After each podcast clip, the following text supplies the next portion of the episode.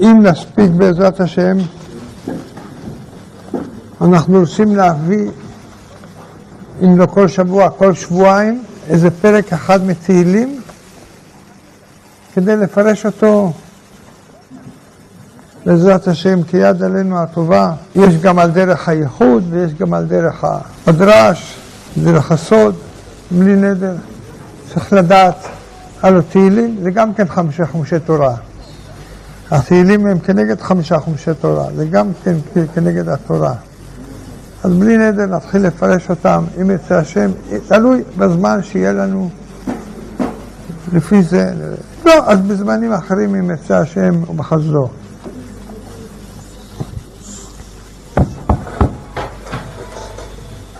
ורש"י אומר, ויצא, לא היה צריך לכתוב אלא וילך חרנה, וילך יעקב חרנה.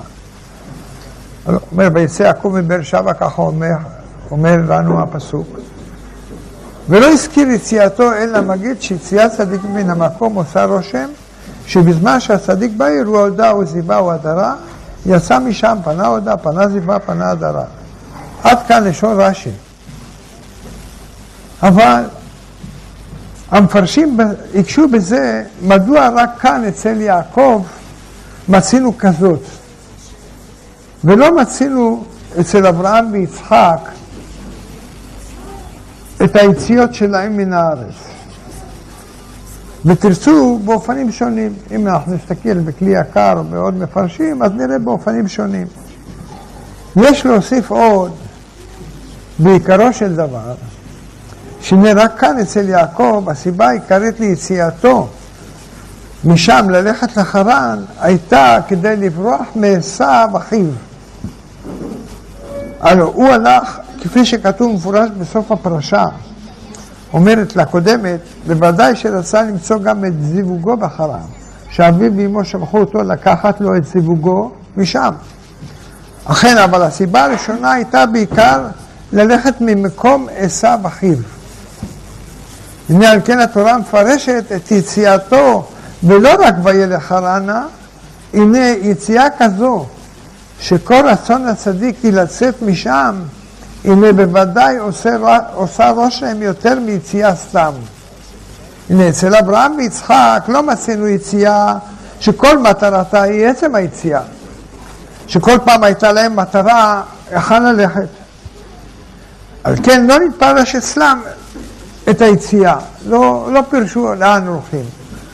רק כאן אצל יעקב, שכל מטרתו היא הייתה יציאה, אז נמצא שביציאתו הוא מנתק ומפריד מחשבתו מאנשי אותה עיר, שהרי רצונו היא לצאת משם. וזה בוודאי מורגש באותה עיר. מה שאין כן, כשאין המטרה העיקרית לצאת משם, העיקר היא ללכת לאיזה מקום אחר מפני איזו סיבה מסוימת, ויהי רעב בארץ, וילד אברהם מצרימה, למה? ויהי רעב בארץ, וילד אברהם מצרימה. שאז אין בזה כל התנתקות מאנשי המקום, ואינו מורגש פנה הודה, פנה זיווה. אבל, אומר, ויצא יעקב מבאר שבע וילך חרנה ויפגע במקום וילד שם גבעה השמש. נראה לרמוז על פי דברי רבנו אריזה שחרן שלושה פעמים שם אלוקים. ושלושה פעמים שם אלוקים הם מוכרים דקטנות.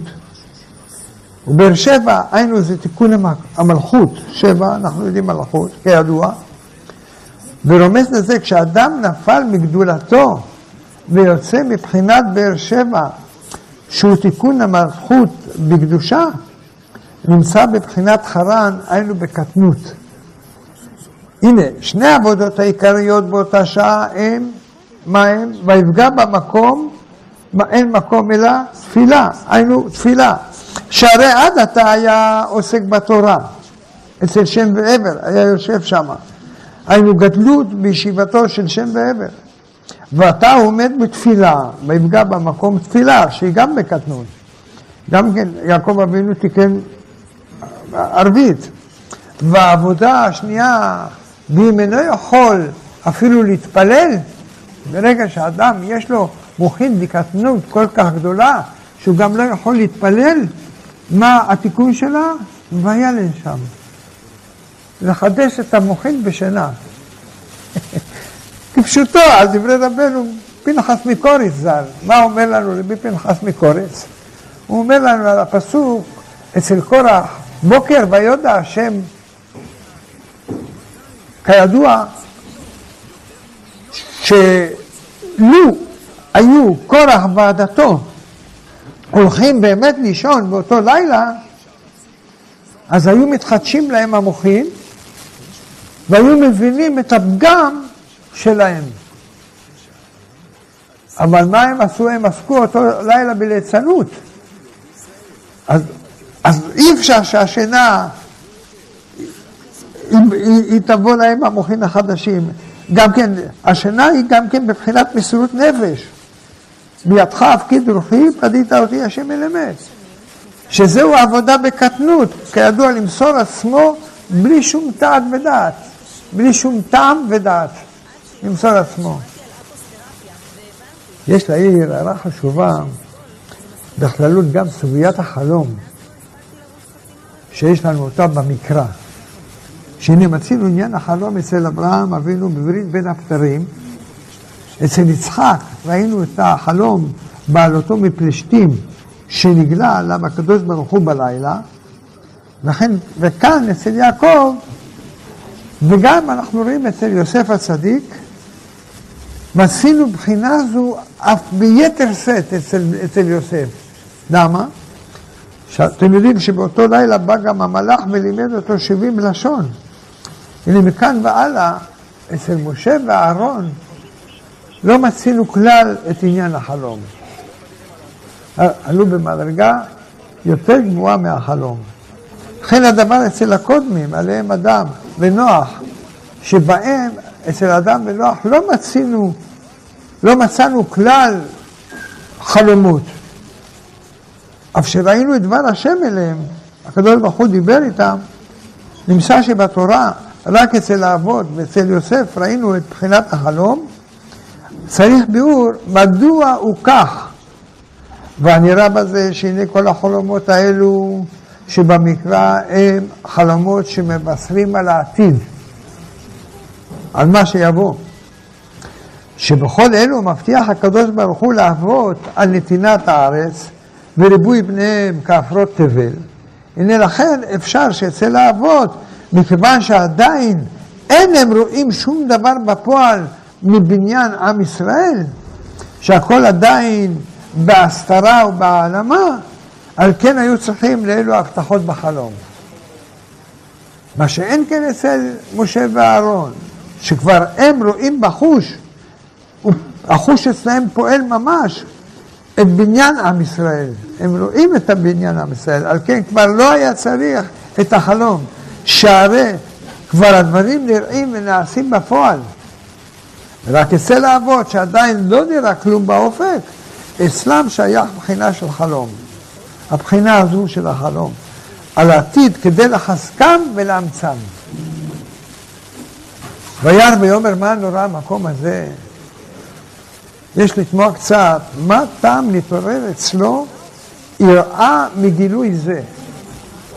למה היה צריך לפחד יעקב, הוא קיבל יראה מגילוי זה? הרי הקדוש ברוך הוא נתגלה גם לאברהם וגם ליצחק, והפיל תרדמה על אברהם, ואז נתגלה אליו, ולא מצינו בפירוש בכתוב שנתיירא אברהם על ידי זה.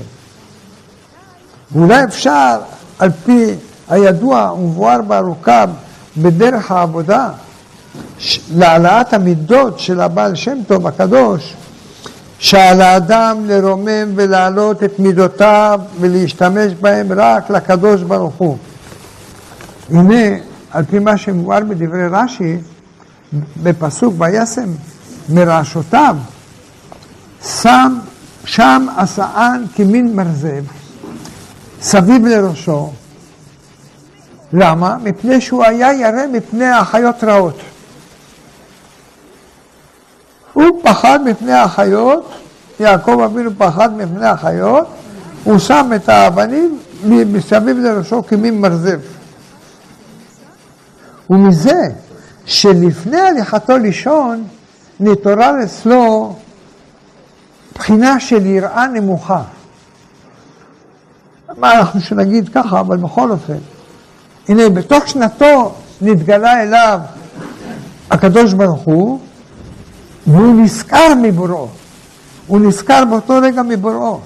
על כן, בשעה שנתעורר, הנה אלה יראה זו שעלה לישון עמה ליראה את השם, ששנתו הזכירה לו זאת מיד.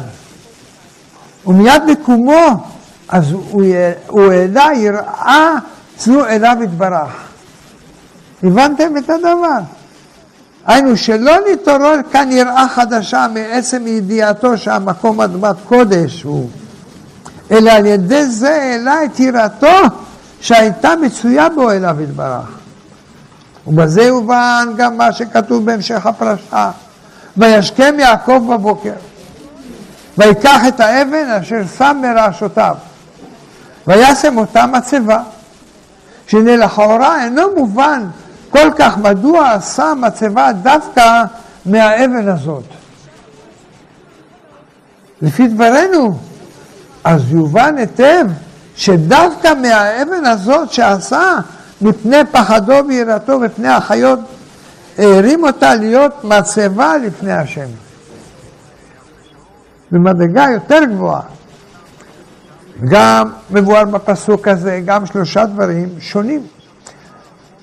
וירא ויאמר מה נורא המקום הזה, אין זיקים בית אלוקים, וזה שער השמיים. אמר יעקב אבינו אחר שהקיץ משנתו, הנה, א', מה נורא המקום הזה?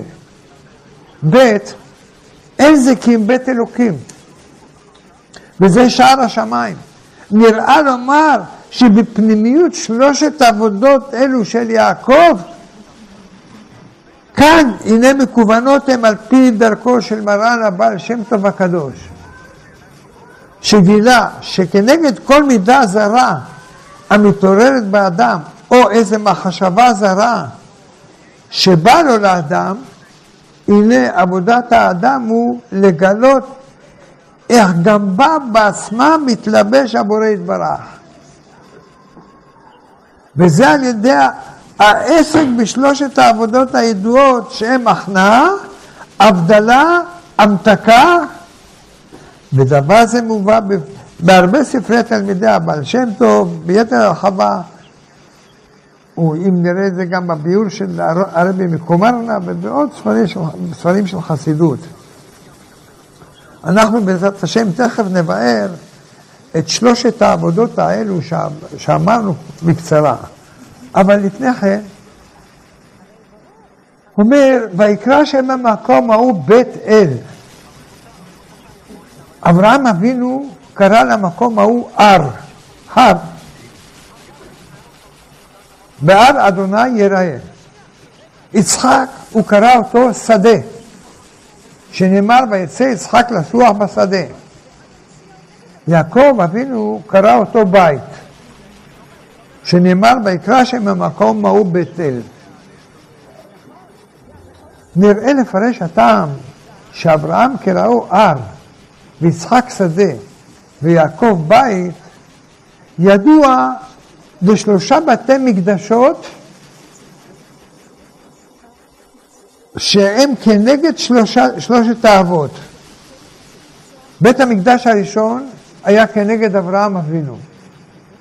השני היה כנגד יצחק אבינו, השלישי כנגד יעקב אבינו. לכן הראשון נחרב בעבור שיצא ממנו ישמעאל. לרמוז לזה קראו הר, רמז לישמעאל, שהם קשים כהר, כידוע. כאומרם ז"ל במדרש איכה, שם אם תסתכלו תראו כמה ישמעאל הוא קשה, כהר. השני היה כנגד יצחק. הוא, מה הוא קראו? הוא קראו שדה. רמז לעשו, שנאמר, ויהי עשו איש יודע ציד, איש שדה. והשלישי שהוא כנגד יעקב, שהוא עתיד להיות קיים לעולם, הוא קראו בית. כשם שבית הוא נכון וקיים, וכתיב בית יעקב לכו ונלכה באור אדוני, אברהם קראו הר, משום שראה שהיה עתיד שיחרב, לכן קראו הר. כמאמר המקונן על הר ציון ששמם, שועלים ילכו בו. גם בהיות שהיה עתיד שייבנה מיד אחר שבעים שנה, הוא קראו הר. כשם שבהר יש עליות וירידות, וכן בית המקדש ראשון ירד ועלה. מיד, ידוע. ויצחק קראו שדה. למה? להיות שהיה עתיד בית המקדש שני להיות חרב זמן הרבה בעוונותינו, כשם שחסדה רחב ידיים ויעקב קראו בית לרמוז, וזה לסוף עתיד הקדוש ברוך הוא לכנסם במקום אחד, בבית שמאסף כל הנכנסים בתוכה. הוא רחב ידיים, בית. ויצא יעקב מבאר שבע וילך חרנה. דיה לו לומר וילך פדנה ארם. אולי צריך להגיד חרן. אנחנו הסברנו בדרך הראשונה. שם אומר ככה, כמו שהקשו המפרשים נראה לפרש, דבא כתוב לרמוז שבעוד שיעקב אבינו היה בארץ ישראל, היה ירא מעשיו. אמנם כשיצא וילך חרנה, נעשה חורין מידו.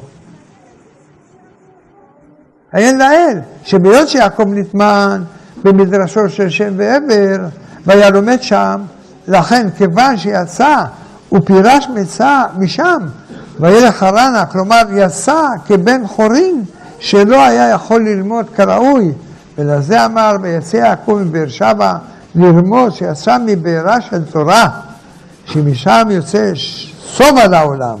ומתוך הכנת החוכמה אשר למד, חל עליו השפע האלוהי, והראו לו דמיון הסולם, ורמזו לו צורות הנמצאות בסודות עליונים.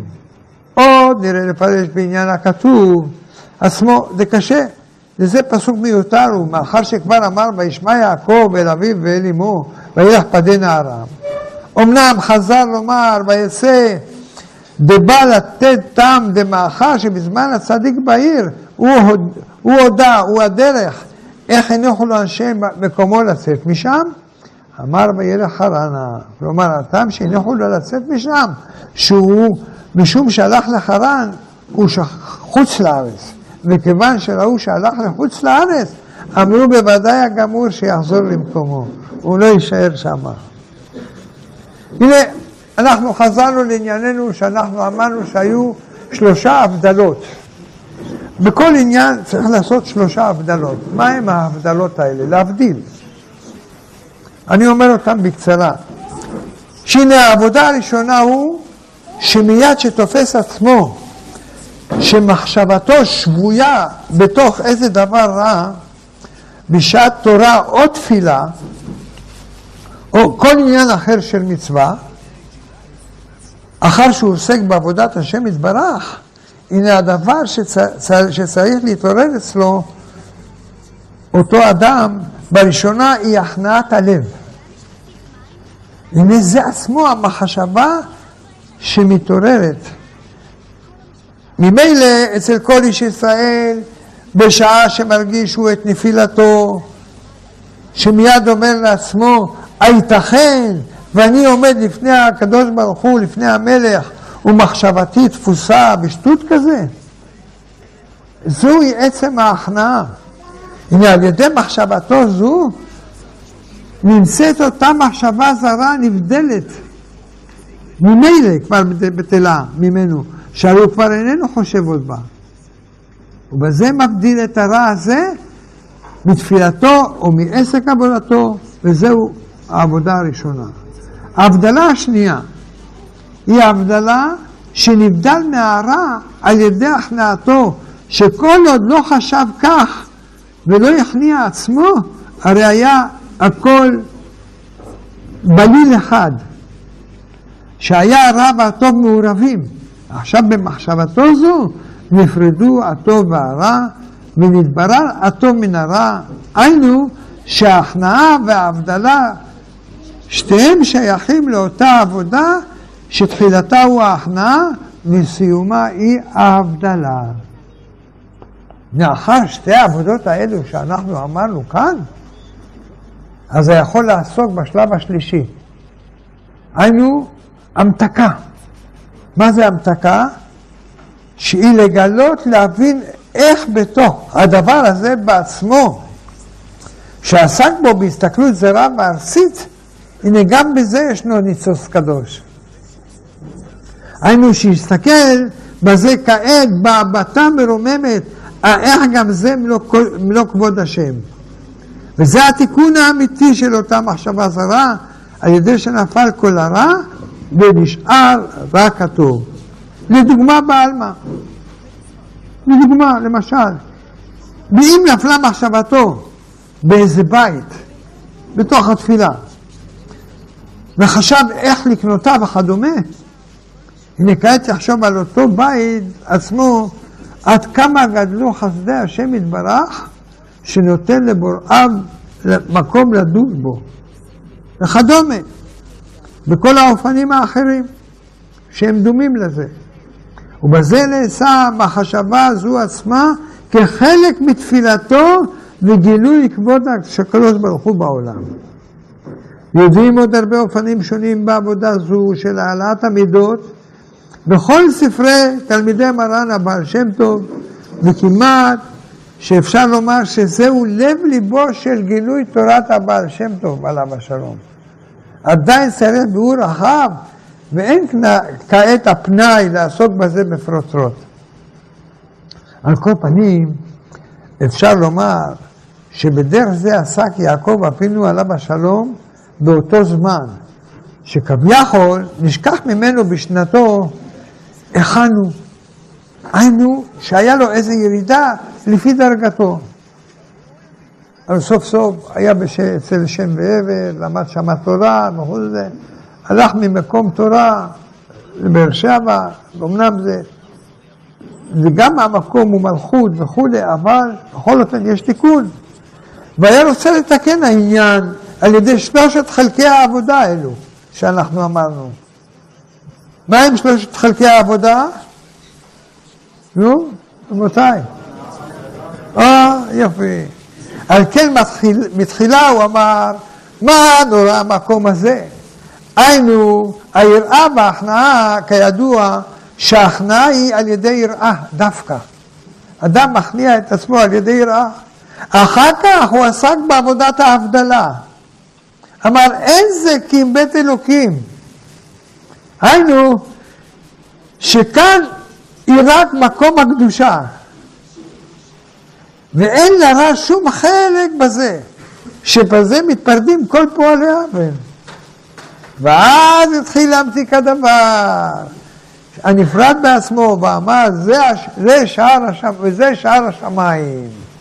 שהשינה בעצמה, או כל דבר נפרד, או מחשבה זרה, גם היא יונקת משורשה, שהיא מקור הטוב. הוא מקור טוב הגמור, אפשר לומר. ובזה נמצא מעלה אותה לשורשה, בראותו אך ורק את החיות הפנימית של הדבר ההוא. שכולה טוב, ואחרי שעשה הבדלה והפריד את חיסוניותה, אז נשאר רק תוכיות הדבר, שהיא כולה קודש. ובזה נמצא שגם זה בעצמו הופך לשער לשם, על כן אמר וזה שער השמיים. ובזה רצה למתק העניין, זו ההמתקה, והבן העניין הזה אשר נצרך לביאור רחב ועמוק, והוא מפתח נפלא לדרכי התעלות והתרוממות האמיתית. הנה, כאן המקום להראות את הפעולות של יעקב שהוא עשה אותן בשלושת האופנים האלו. שבכל מפגש שהיה לו בין הטוב לבין הרע, שמצינו בתורה עד כאן, הנה אנחנו מוצאים לנו את צורת ההתמודדות של הטוב עם הרע בשלוש, בשלושת הדרכים הללו. ובסדר הזה דווקא, עד שהרע הולך ונתקן. ננסה להראות זאת בסדר הפרשיות, ואף שבכמה מהם ביארנו מהלך זה במקומם, בכל זאת, לא אמנע מה להשיגם כאן בקוצר מחמת חשיבותם המרובה. המקום הראשון הוא אצל אברהם עם לוט. הנה בתחילה לוט הולך עם אברהם, הוא בטל אליו, וזוהי הכנעה.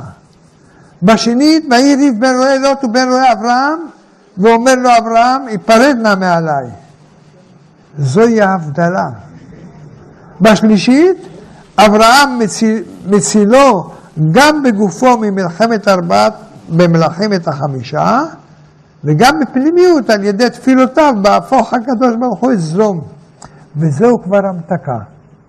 זוהי ההמתקה. המקום השני הוא בין אברהם לישמעאל. בתחילה היה נכנע תחת שרה, ובדברי המלאך להגר, שובי אל גברתך ואיתני תחת ידיה, זוהי ההכנעה. ובשנית שילח אותו אברהם מעליו וגירשהו. וזוהי ההבדלה. בשלישית, בחזרתו אליו, בחזרתו בתשובה בסוף ימיו, ישמעאל עשה תשובה, זוהי ההמתקה. ושלושת אלו היו גם עם הגר עמו, ופשוט דבר. המקום השלישי זה בין יעקב לעשו, שמתחילה עוסק יעקב בהכנעת עשו, על ידי זה שהוא קונה מאמו את הבכורה, וכן בלקיחתו מאמו את הברכות, ששתי אלו הם בבחינת הכנעת עשו, היינו הכנעה, ובשנית ברח יעקב ממנו והבדיל עצמו ממנו, היינו ההבדלה. ובשלישית, בפרשת וישלח, הנה עם תיקו על ידי שהשלים איתו, ואף שהיה רק לפנים, זאת אומרת רק בפנים כאילו השלים איתו, עדיין יש בזה איזושהי המתקה. המקום הרביעי, בין יעקב ולבן. מה אנחנו רואים בין יעקב ללבן בפרשה? שבעת הליכתו מאיתו, שאמירת שלחני ובקשת שכרו מלבן הוא הכנעתו. בזה הוא הכניע את לבן, שבזה אומר לו שאינו רוצה להישאר אצלו עוד. אף שלבן לא רצה כלל בעזיבתו, ולכן יהיה השם בגללך, הוא לא רצה שהוא ילך ממנו. וזוהי הכנעת הרע. הנה אחר כך ברח ממנו, וזוהי ההבדלה. שהתנתק ממנו בפועל ונבדל מעם הרע. ובשלישית, אחר שעסק בעבודת ההבדלה, הנה אז הגיע לבן וכרתו ברית ביניהם, שזה סוד עבודת ההמתקה. ויעקב המתיק את לבן לגמרי על ידי שהשלים איתו את אשר זהו ההמתקה. כשהרע גם הופך לחלק מעבודת הקדושה, הוא בטל אל הטוב. על כל פנים הראינו קצת פה בקיצור נמרץ, איך כל סדר תיקון הרע הוא כלול בשל... משלושה עבודות אלו. והוא פשוט לאלו העוסקים בעבודות אלו. שרק כך היא הדרך לתקן את הרע.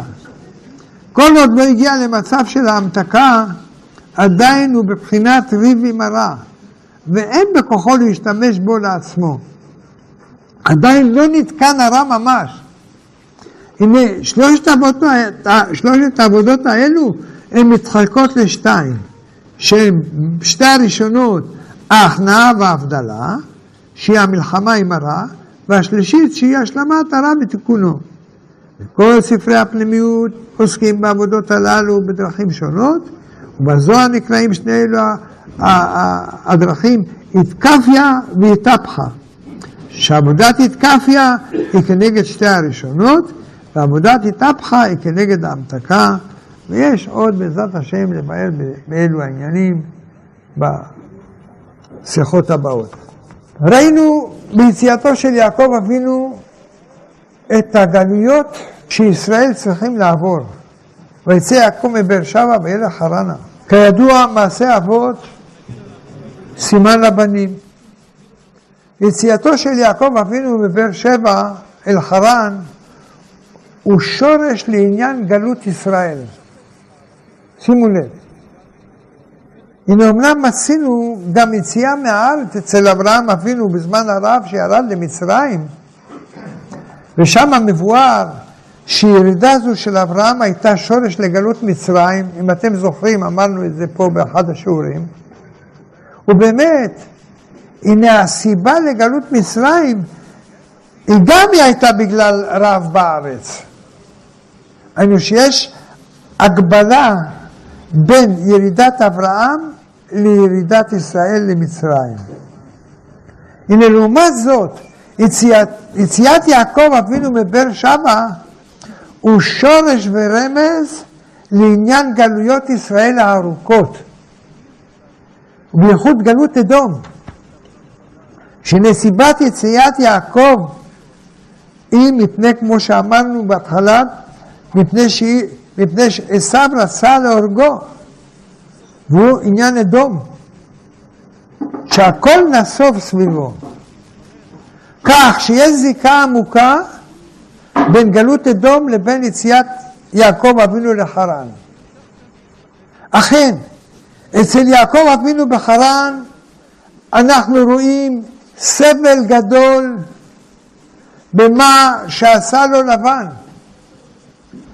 וכן אריכות גדולה של גלות, מה שאין כן אצל אברהם במצרים, שאומנם נלקחה שרה, אך במהירות היא הוחזרה לו ויצא ברכוש גדול. וככה אנחנו רואים גם ביחס בין גלות מצרים ובין גלות אדום. שעם כל הקושי שהיה במצרים והשיבוד הגדול, הנה גלות אדום, אלפיים שנות גלות איומה, ובה נטבחו ונרצחו מאות אלפי יהודים, והיו בסבל נורא. זו גלות קשה ומרה שעברה על כלל ישראל, שהיא קשה בהרבה מגלות מצרים. בכל זאת אנחנו רואים בהבדל בין אברהם במצרים ובין יעקב בחרן. שאצל יעקב היה שעבוד גדול מאוד וסבלו היה רב. שתי סיבות ליציאת יעקב אבינו. הנה יש להתבונן בעניין יציאת יעקב לחרן. שבאמת אנחנו רואים שיש כאן שתי סיבות. הסיבה האחת היא בריחתו מעשיו הרשע שרוצה להורגו.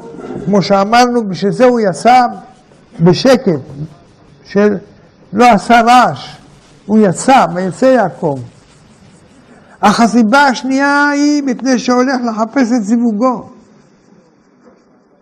כמו שאנחנו ראינו בסוף הפרשה הקודמת שהסברנו לכם עכשיו פה בהתחלה, קום לך פדנה ארם אל בית הבתואל אבי אמך וקח לך משם אישה מבנות לבן אחי אמך.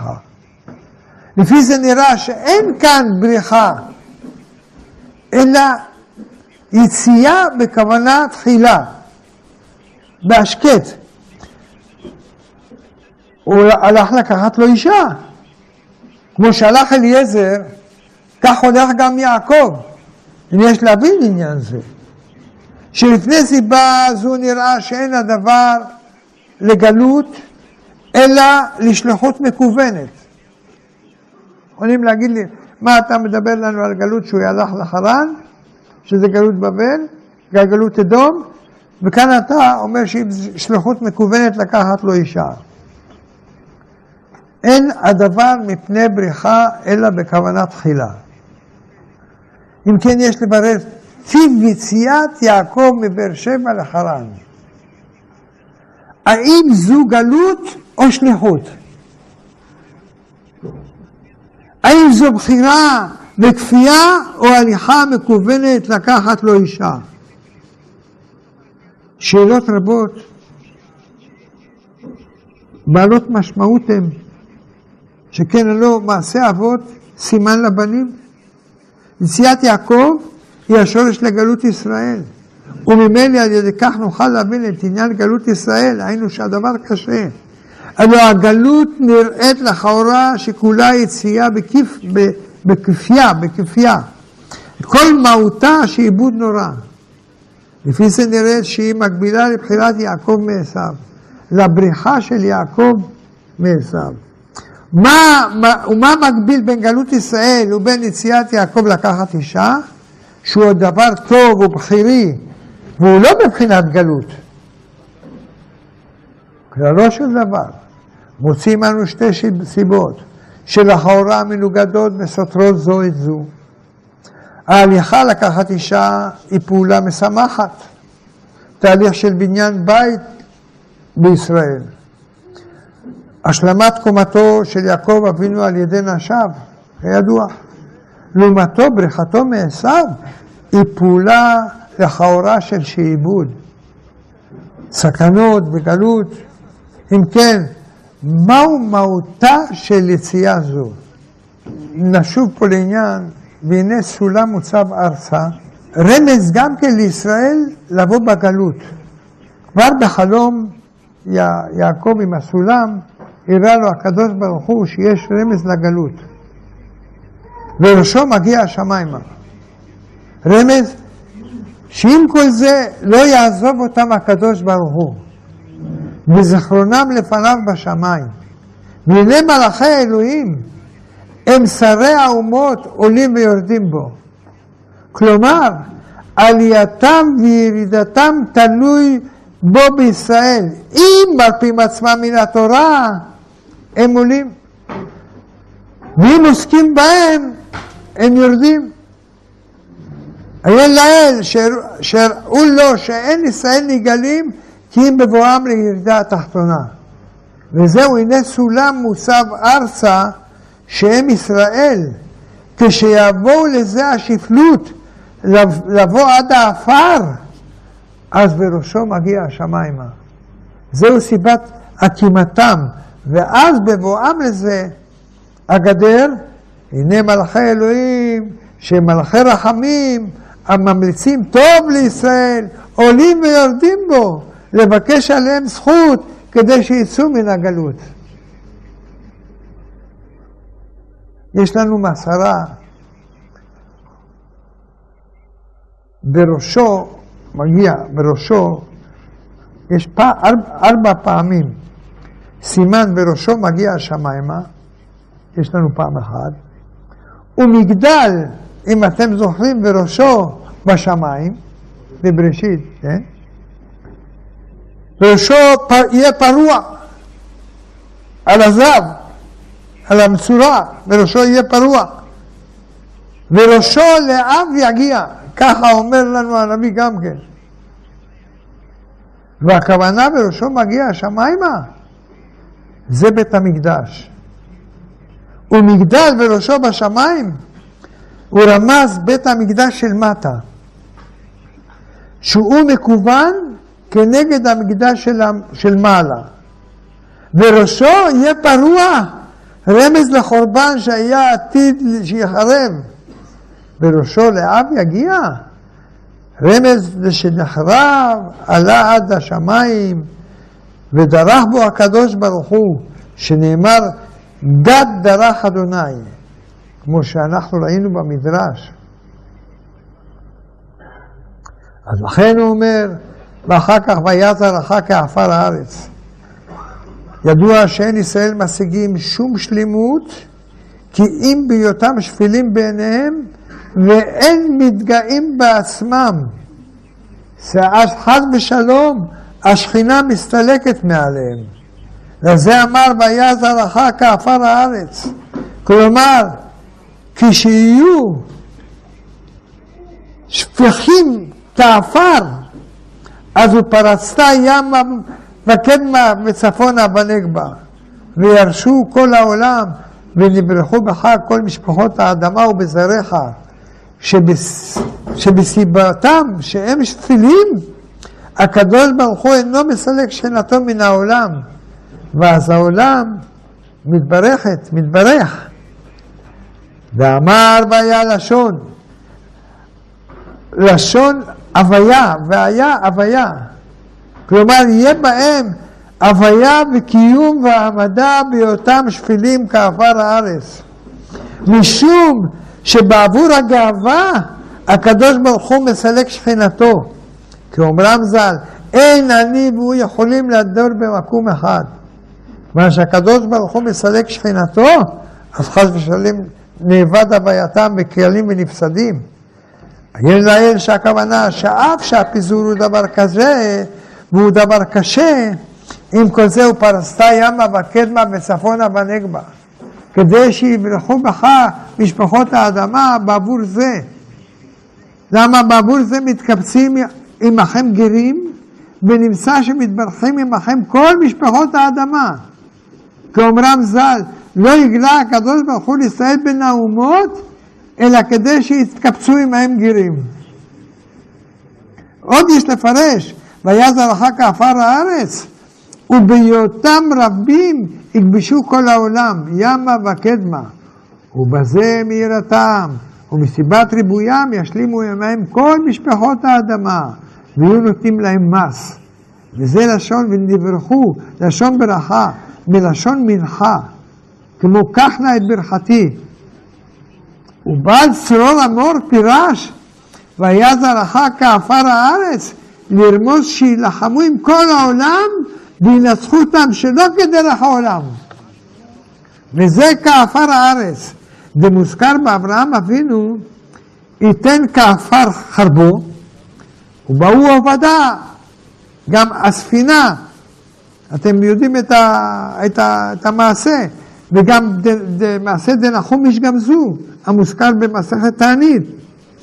אמנם נראה לפרש באמרם ז"ל ובבא בתרא, הספינה אמר רבי חמא בר חנא, אבא כאזלינן במדברה, ואית לבעדן ההוא תהייה, דאבה שקיל הפרה, מורח לב, אמר, אר חלי דוכתא פלן, ואר חלי דוכתא פלן.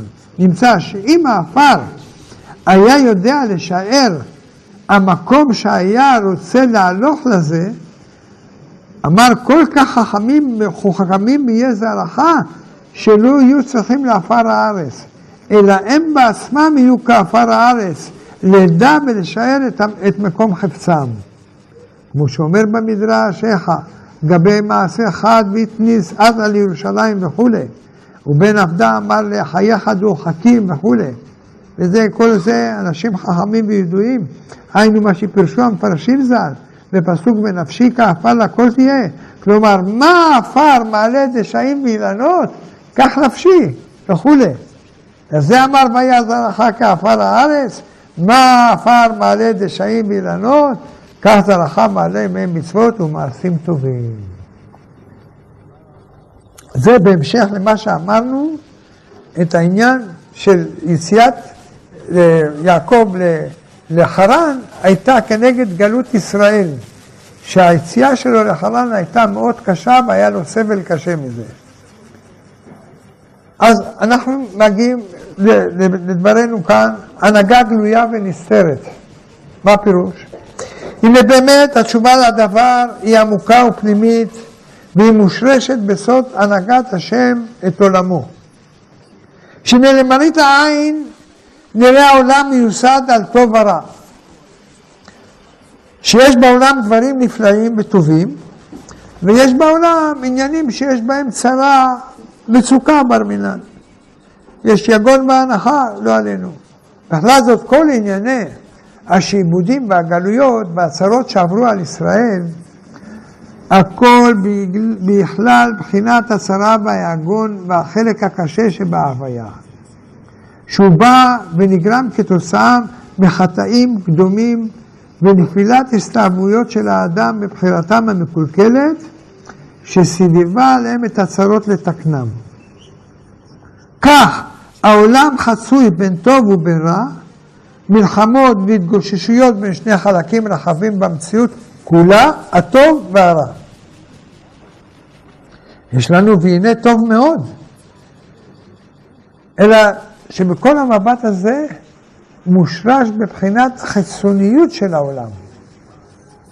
אולם בשעה שאנחנו מביטים אל הפנימיות, אנחנו מביטים פנימה אל המבט האלוהי הקדוש והטהור, המבט הרואה את כל העולם כמקשה אחת, ואת כל מה שקורה בעולם כרצף אחד, צופה ומביט על סוף הדורות, גדול העצה ורב העליליה, הנה אז מתברך ואז מתברר איך באמת הכל הוא טוב ממש. אין לרע מקום במציאות כלל. על זה נאמר, וירא אלוהים את כל אשר עשה והנה טוב מאוד. במבט הקדוש, מבט של הקדוש ברוך הוא, השם יתברך, אז הכל טוב ממש, ואין בעולם רע כלל. עניין זה עמוק הוא מאוד, ויש בו כמה, כמה רבדים. נגיע, נגיע ונדגיש נקודה אחת, והוא העניין הוא שהנה ברור וידוע לכל איש ישראל שהקדוש ברוך הוא, השם יתברך, הוא השליט היחיד, אין עוד מלבדו, והוא מנהיג את הכל ושולט בכל, והכל מקוון ממנו יתברך שמו. הנה ממילא ברור שהכל הוא לטובה ממש. כי הלא השם יתברך עושה רק טוב וברכה. ואין לו חפץ בצערם של הבריות ובייסוריהם. וממילא ברור שאם אנו רואים צרה וכאב, הנה בוודאי צריכים אנו להבין שדבר זה יוביל לטוב ולברכה. והיו תוצאותיו טובות רבות ועצומות, שלרוב עוצם טובתם שווה היה לסבול את כל סבל המחוף, המכאוב בשביל הטוב העצום שיצמח מהם. כך עם ישראל יודע בפנימיות לבבו שהכל הולך אל הטוב. והמגמה והתכלית של כל דבר הנעשה תחת השמיים הוא ממש טוב. כי הנה, אם היו מעשים ועלילות הנעשות על ידי בני אדם לבדם, אז היינו יכולים לומר שיש מעשים שתחילתם הוא רע, שתכליתם הוא רע, כי יש רשעים בבני אדם, שרצונם בתכלית מעשיהם הוא להרע לאחרים. ועל כן היינו מביטים בסבל שעושים לבריות וסוברים שכל זה איננו אלא רע בלי שום טוב. אבל אנחנו יודעים שאין עוד מלבדו. אולם הנה אנחנו יודעים ומאמינים בכל לב שהשם יתברך הוא שולט יחידי והוא מנהל את הכל. ואפילו הרשעים, הנה הוא יתברך ברוממות שליטתו, בעוצם יחודו יתברך שמו, הוא מנהל את הכל ממש. ואין עוד מלבדו. עד שאפילו רשעים אלו, הנה בפנימיות פנימיות מעשיהם ובחירותיהם גנוזה השליטה האלאית העליונה והיא מכוונת את התכלית הכל לטוב גמור. לפיכך, הנה אף שהם סוברים שהם באים להרע ולעצר וגם לצער, הנה הוא יתברך מוציא בילועם מפיהם ומלאך הרע עונה אמן בעל כורחו ומגדיל ממשלת השם ותגבור את הטוב. והוא פלא עליון. איך הטוב התכליתי ועוצם תיקון העולם בא אפילו מהרע שלא בכוונתו של הרע. למרות רוחו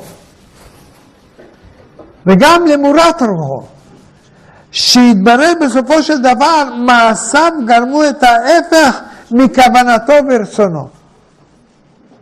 והוא עוצם שמחת הקודש שבאה דווקא מגילוי ממשלתו יתברך ושליטתו אפילו הרע כפוף אליו, הוא פעל להגדלת הטוב שנלחם בו.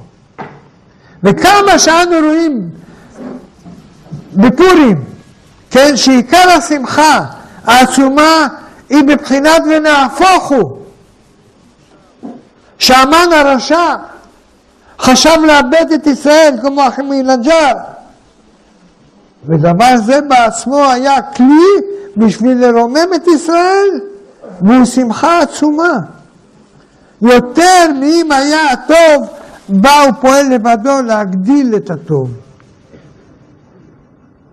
דתיות, ששמחת ביטול הרע ועיבודו מן העולם, ובייחוד בשעה שמתברר ש... שפעל הפך כוונתו להגדיל את ממשלתו הטוב, את ממשלת הטוב. אנחנו יכולים לשאול ולהגיד דבר אחד, חיים, מה אתה אומר? אבל מדוע אויבינו לא לומדים מהניסיון של קודמיהם שנמחו. צריכים להבין זה. למה הם לא מבינים את זה? מה קורה פה? הנה אב, גם זאת מאת השם יתברך. תדעו לכם. וכאן נבין מדוע אנחנו רואים אנו דבר פלא, שהנה עם ישראל הנצחי והקדוש הוא למוד וניסיון גדול בהיסטוריה הארוכה. שכל כך הרבה רשעי עולם קמו עלינו לכלותנו? ממלכות עצומות, מעצמות אדירות, בזה אחר זה. באו בגאון ובוז לכלות זרע קודש בביטחון גמור, כמו שאנחנו מתקרבים לימים של חנוכה.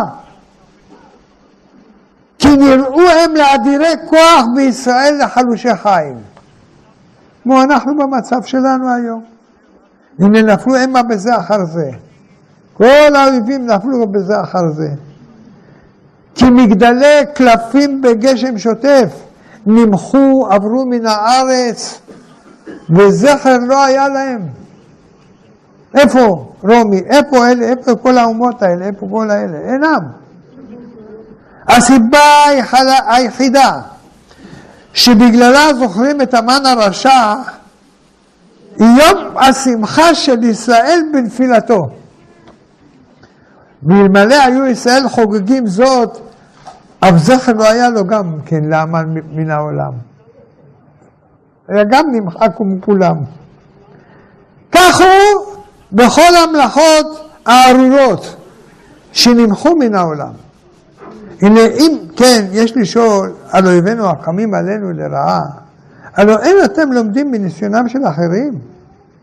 וכי לא עיניים לכם בראשכם? אין לכם עיניים?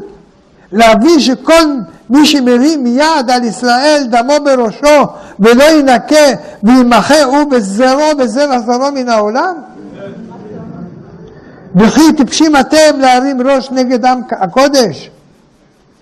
הלא תביטו מעט מן המעט בכל הממלכות, תבל בכל הדורות.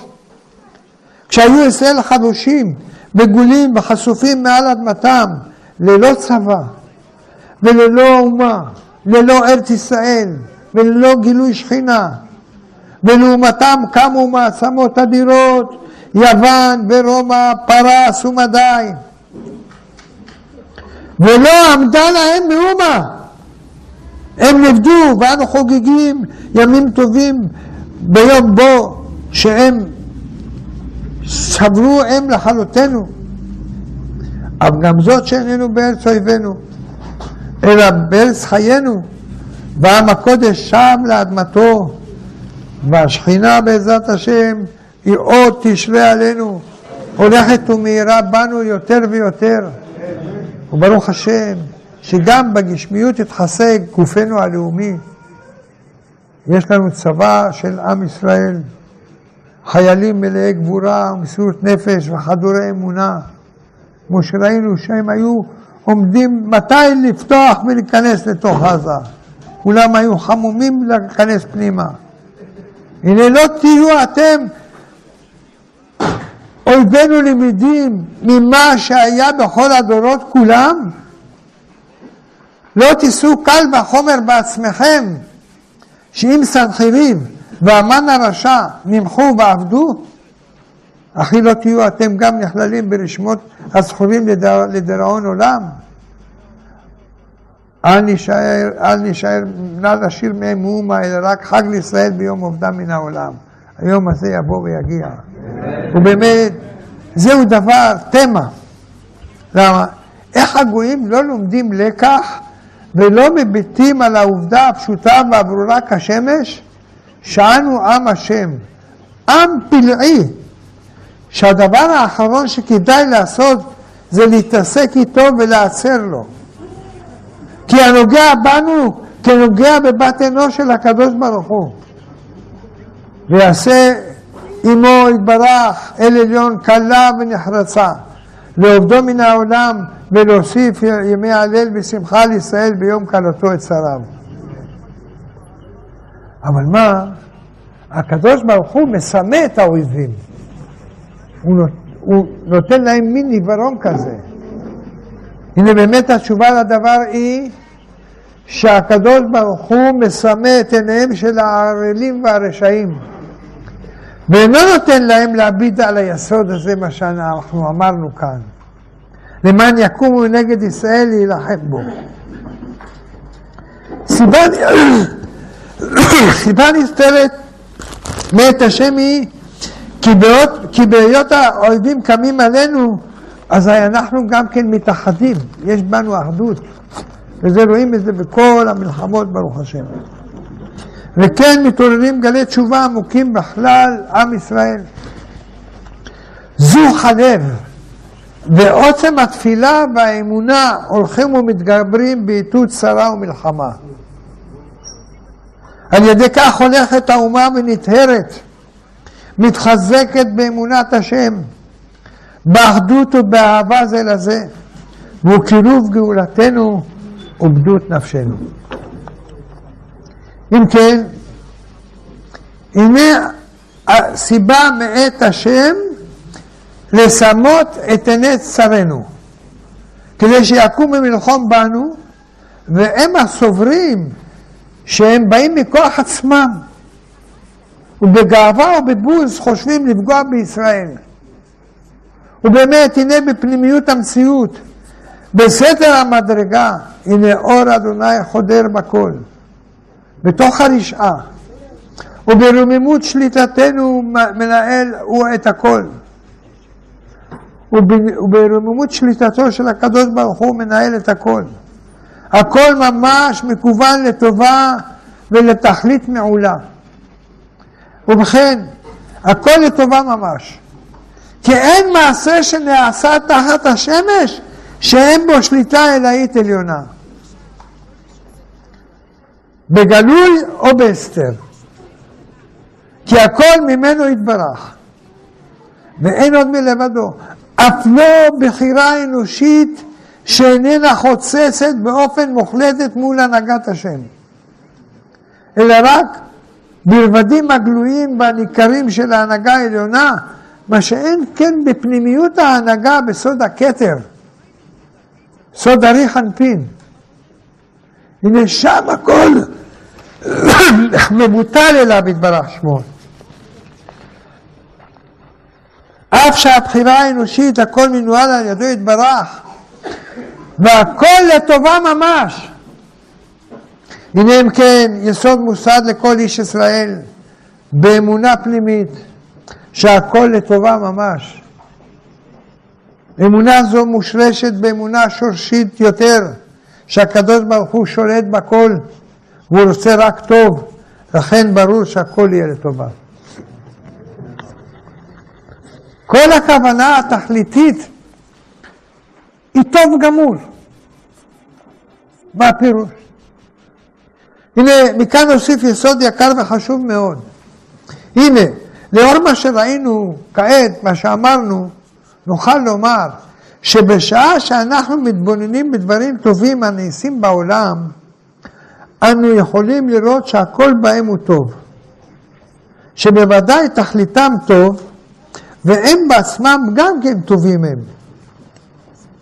מה שאין כן בדברים הרעים וקשים שקורים בעולם, שבהם, הנה אנחנו מבחינים שני מיני רבדים. ברובד הנסתר, הנה בוודאי, כמו שאמרנו, הם לטובה. היינו שהתכלית שתצא מהם בסופו של דבר הוא טוב גמור. נמצא שבעתיד יגלה ויראה שכוונתם הובילה לטוב. ויצא מהם אך טוב. בסופו של דבר תישאר רק התכלית עצמה. כך שיהיה רק טוב ממש. וימחק כל הצער שהיה בדרך אל התכלית. אולם בשעה שאנחנו מביטים בחיצוניות, אז אנחנו רואים צער וסבל. היינו שבהווה ובגלוי אנחנו רואים רק צער, ובעתיד ובנסתר, הנה הכל טוב שתכליתה טובה. על כן נוכל לגזור עומר ולומר שבכל מעשה שנעשה בעולם אין טוב ואין להפך, הנה התכלית של שניהם היא טוב גמור. וכל מה שנחלקו הוא באמצעי, ברובד הגלוי, מבחינת ההווה, שהטוב הנה גם אמצעי, וההווה הוא טוב הוא. והרע הנה האמצעי קשה ומלא מכאוב, רק בעתיד ובתכלית הוא יתגלה הטוב. ההתעלות מעל הזמן מביאה לעולם שכולו טוב. תבינו, הנה מכאן אנחנו ניגש לנקודה עמוקה קצת יותר, אולי גם עמוקה מאוד שאפשר להגיד אותה. הנה אנחנו רואים שלמעשה כל ההבדל בין הרע והטוב הוא מבחינת הזמן. היינו שבסופו של דבר הכל יהיה טוב גמור. אלא שבינתיים, במשך הזמן עד התכלית, הנה הרע רע והטוב טוב. אם נשכיל יסוד גדול מאוד, שיש שני רבדים בעולמות. רובד אחד הוא רובד הגבול, והרובד השני הוא הרובד שממעל הגבול. בסוד הנצח. הנה, הזמן אינו שולט אלא בתוך הגבול. אך ברובד העליון, בבחינה שממעל הגבול, הנה הזמן לא שולט כלל. וכבר מאיר בו אור העתיד הגדול. בהווה ממש. כי אין בו צמצום של בחינת זמן ותהליך. אלא הכל מאיר בו באור עליון. הנה יש להשכיל יסוד גדול, שהתורה בעצמותה היא שייכת למרומים, לבחינה שממעל הזמן ממש, שהיא נצח נצחים, ואור האורות, ואין בה צמצום של עבר, הווה ועתיד. אין לה צמצום כזה לתורה. אלא כולה זוהרת ומהירה בבלתי גבול ובלתי זמן. וזה סוד התורה, שהיא מבחינת שמונה, שהוא מספר שממעל הזמן. כמו שנודע שיש שבע פסוקים במזמור, השמיים מספרים גודל ומעשה האדם עד כדי רקיע. ושבעת הפסוקים הללו מדבר על השמש וצבא השמיים שהם סוד הכוח שיוצר את הזמן.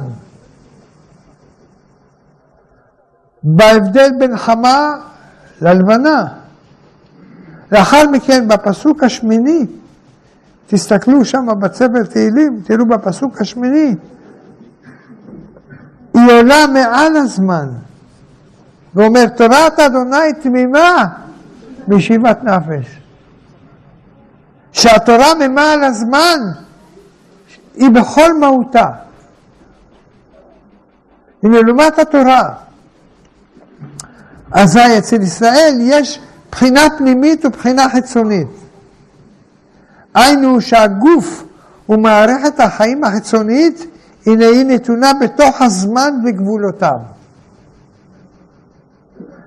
שהיא, שהוא כפופה לסדר הזמנים והשעות בימים והשנים, ואינה מדלגת עליהם.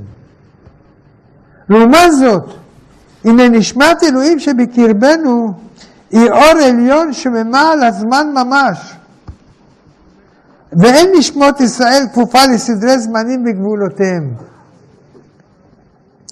אז נמצא שבפנימיות ישראל אף אנו כמו התורה, בבחינה שממעל הזמן. אם נשכיל ונבין שכל אדם מישראל יכול להיות מתרומם ומתעלם ממעל הזמן. הוא סוד ידיע, ידיעת העתידות, מפני שברובד שממעל הזמן, הנה העתיד הוא כבר בהווה. תבינו את זה. העתיד הוא כבר בהווה. לכן יכול לדעת את העתיד. והוא פלא. ומכל מקום, הנה בשעה שאדם נתון עמוק בתוך גוף, גופיותו וחומריותו, אזי הוא מונח בתוך הזמן. שדעתו בחייו, בתקשורת הווייתו, היא על הרובד המוגבל שבו, שהוא רובד הגוף וערכי חייו, וממילא ישלוט בו הזמן ויהיה נתון מאוד לצמצומיו וצרותיו של ההווה. אבל לעומת זאת, יכול כל איש ישראל להיות הולך ומקדש עצמו יותר ויותר, ומגביר אור נשמתו בקרבו, עד שיהיה מטפס ועולה לאחד כל מחשבותיו ורצוניו ומאוויי חייו בענייני נצח והור, בזרוח נשמה וטהרת רעיון, להיות דבק בצור מחשבתו. ואז לכן יבורך גבר. הוא הולך ומתאחד באור הנצח. הוא מתרומם בהוויית חייו ממעל הזמן וערכיו ומושגיו, והיה אור הנצח שולט בו.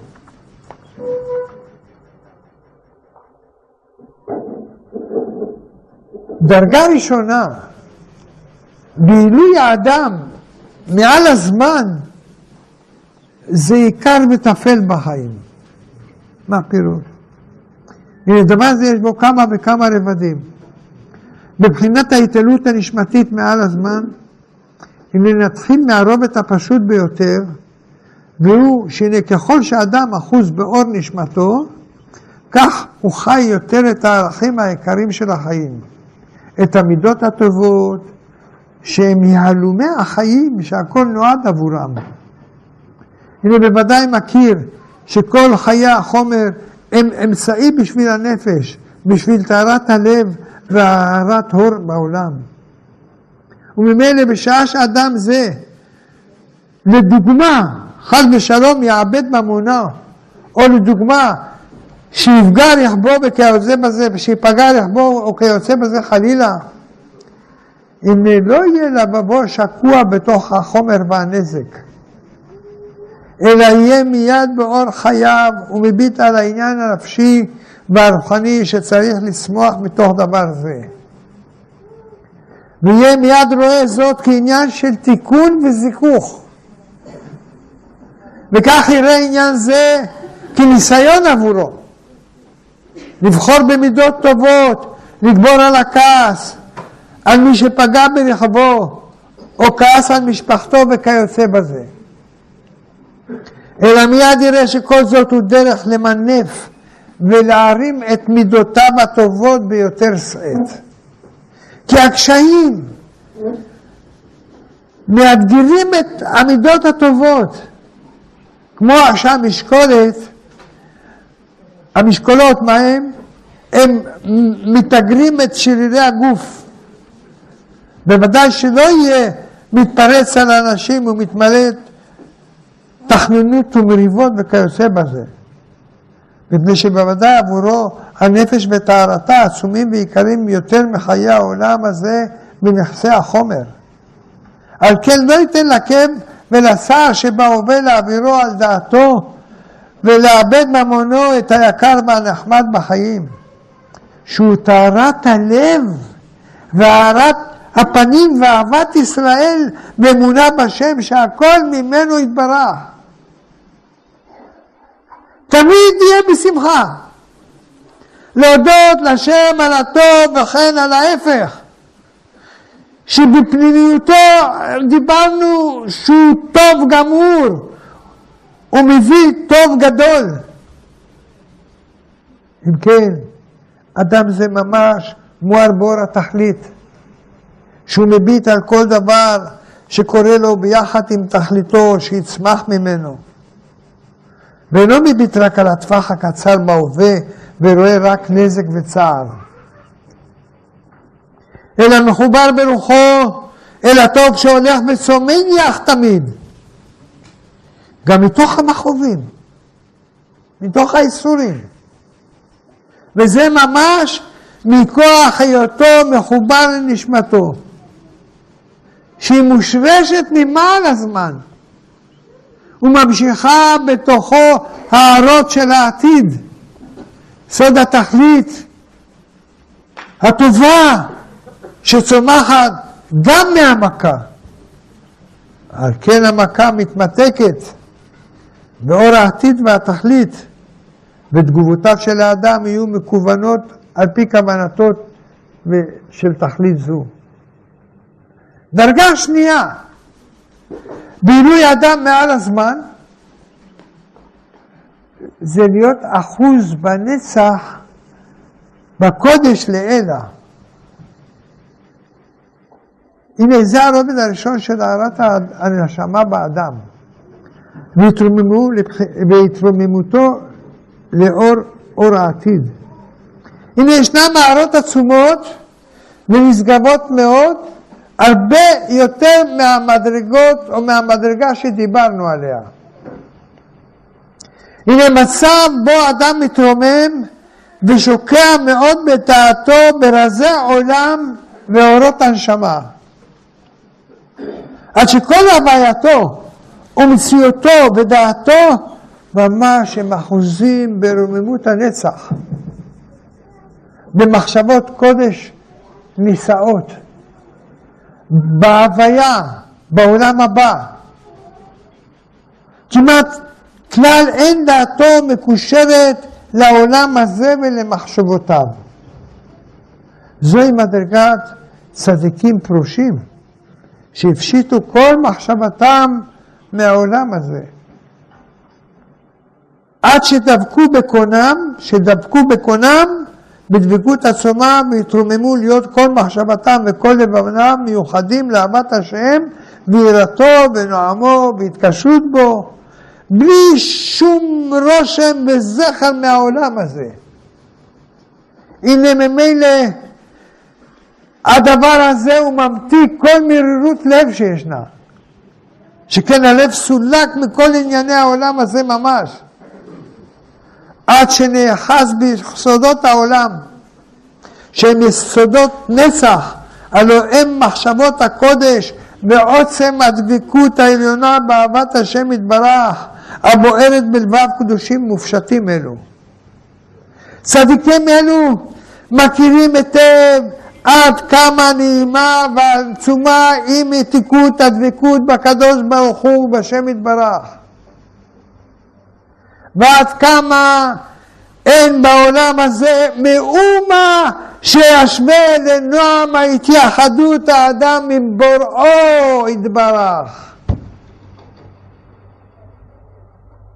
זה גם בסוד הייחודים, שהאדם מייחד ייחודים, האדם לא נמצא בעולם הזה. האדם אחוז בנצח, בכוח הייחודים. על כן צדיקים אלו הנה הם כמי שאינם בעולם כלל. כי עיקר האדם הוא דעתו ומחשבתו. וכבירי כוח אלו המשיכו מחשבתם לעילא לעילא, עד שהובקעה ונחקקה בעוצם הדבקות העליונה. הרי היא כמי שעזבה את הארץ ואת ענייני העולם הזה. ממילא מאומה לא ירחב להם מחיי העולם הזה. שום צער ויגון לא ידים לבבם מענייני החומר והשעה. כי אין עולים בשם ובמהות עבורם. אומנם כאב השכינה היא צערם של ישראל, חייבים לחוות צערה. שיהיה נוגע בלבבם מאוד, כי הוא חלק מהופעת השם בגילוי אורו. ואין הוא חומר לבדו, אך בשמחה ובגבורת קודש יחדיו.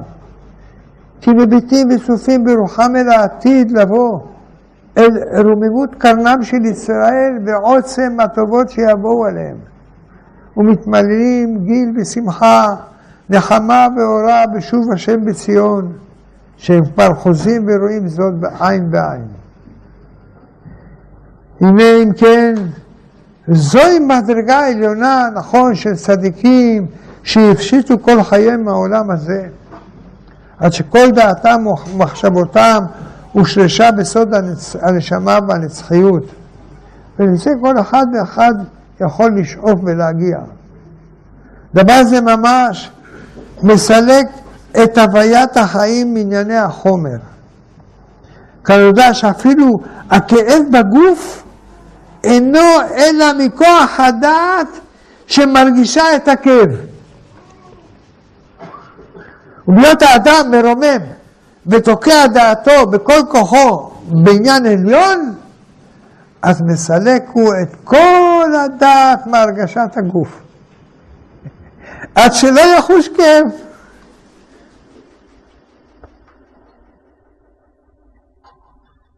אנחנו יודעים שזה ככה.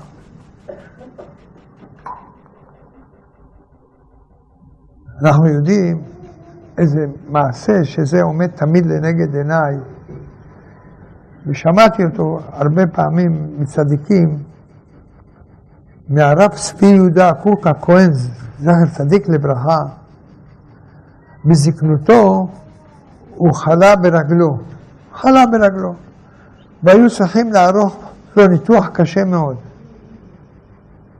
אלא מפני שחולשת גופו לא היו יכולים להרדימו הרדמה מלאה. אמר להם שאין הדבר נורא. שכן יודיעו בשעה שמתחיל הניתוח, והוא ירכז את עצמו במחשבות קודש. לא יודע אם הוא נתן שיעור באותה שעה. לכן, הרב נכנס לעמקי מחשבות קודש ודבקות אלאית בקדוש ברוך הוא בשם יתברך, עד שהוא לא חש כלל את כאב הניתוח. בלי הרדמה, בלי כלום. והיה הדבר לפלא בעיני הרופאים, שמרוב עוצם הדביקות הוא, הוא לא שם לב שהסתיים הניתוח. והיו צריכים לומר לו ולהגיד לו, רבי, הניתוח כבר נגמר, הסתיים הניתוח, אין לך מה לדאוג. כך הדבר ידוע מכמה צדיקים וקדושים שהיו להם דברים דומים לעניין הזה. הנה יש לציין שיש דיני נשמות בין הצדיקים. יש אשר עבודתם דווקא בהכנסת הדעת לתוך העולם הזה כדי להעירו. והם מקושרים בדעתם עמוק אל נבחי העולם הזה, דווקא ואינם מפשיטים דעתם ממנו, כי תפקידם להאיר למטה. וזאת לעומת הצדיקים שהפשיטו דעתם מהעולם הזה ומכל ענייניו. ודוגמת ההבדל בין יצחק אבינו, שהיה עולה תמימה, והרי הוא כמי שאינו בעולם, מופשט במרומי אור חיי העולם הבא. לעומת זאת, יעקב אבינו היה מונח עמוק בתוך העולם הזה ובדעת המציאות. הוא פעל ועשה רבות. הוא בא במגע עם רוב המון הבריות. לכן יוסף היה כיעקב אבינו. הכל בשורש הנשמות ומקורם העליון בשליחותם ותפקידם בעולם. ההתפשטות, ההתפשטות, הגשמיות לגמרי בסוד חנוך ואליהו. הנה במדרגה זו של הפשטת הדעת והחיים מהעולם הזה, הנה יש מצבים של אור גדול שהתרבה, והיה האדם עולה לעילא לעילא, בעלייה הגבוהה מאוד בסוד נשמתו, עד שמעוצם עלייתו לעילא הוא נדבק במקורות אור עליונים, ונמשכה הנשמה בעוצם אהבתה ודבקותה עד שנתפרדה מהגוף. שמרוב ריבוי האור וההימשכות הנשמתית לעילא איננו יכול הגוף להחזיר ולקשר את עצמו לנשמה. ונתקע היא את נקודת הקשר בינה ובין הגוף. הוא מה שמצינו צדיקי עליון שנפטרו מן העולם באמצע עליית נשמה. ואותם עולים למעלה מאוד, עד שלא יכול הגוף להכיל תוקף האור ונפרדו. וזוהי מיתת נשיקה, שמעוצם ערגת הנשמה לנשיקות פה זיו נועם השכינה, נחזרה למקורה ונותר הגוף לבדו למטה. ודבר זה מסוכן, ויש לשמור עצמו שלא יהיה מגביר אור מעבר למידות הגוף. לכן היה אדמו"ר אחד, אני לא זוכר, אבל אני סיפרתי לכם, ואמרתי שבלשון אשכנז קוראים לה שעון זייגר, נועם אלימלך. אז נתנו לו לרב נועם אלימלך שהוא יחזיק שעון ביד. למה? השעון הוא דבר גשמי, שאם הוא עושה עליית נשמה, אז יש לו עוד דבר גשמי ביד, אז הוא, יחזור, הוא יכול לחזור למטה. זה כדרך אגב. הנה נקודת השיא מבחינת חנוך ואליהו, שלעוצם דבוקותם העליונה, הנה עזבו לגמרי את העולם הזה, ולא זו בלבד, אלא אף המשיכו את הגוף להיות דרגת מלאך. שמרוב הרוממות יזדכך גופם להיות אור רוחני. הנה, יש מדרגה עצומה מאוד מאוד של צדיקים קדושים עליונים ואדירים מאוד, שהם התרוממו בגופם ממש לעילא לעילא. היינו שלא נעזב הגוף לטאטה והנשמה עלתה למעלה לבדה, אלא משכה את הגוף עימה להעלותו לבחינת מלאך. וזוהי עלייה עצומה שנתעלה הגוף אף הוא לממד הנצח של הנשמה. והתרומם האדם מעל הזמן ומעל ערכי העולם הזה. הדרגה המופלאה ביותר זה מראיה מאמנה עליו השלום, משה רבנו. הנה אף שזו מעלה אדירה ונשגבה מאוד מאוד, שאינה נתפסת כלל בדעתנו. יש מדרגה עצומה וגדולה ממנה. היא מדרגה פלילית ואדירה נוראה בעוצם קדושתה. היא מדרגתו של אדוננו מורנו ויסוד אומנותנו משה ראיה רבנו ראיה מאמנה. אצל משה רבנו התגברה הנשמה כל כך ברוב זוהר והור וכל כך שלטה בעוצם מורה עד שלא הוצרכו כלל להילחם בגוף. אלא הפכה אותו ממש בהיותו כאן בעולם הזה להיות לאור עצום.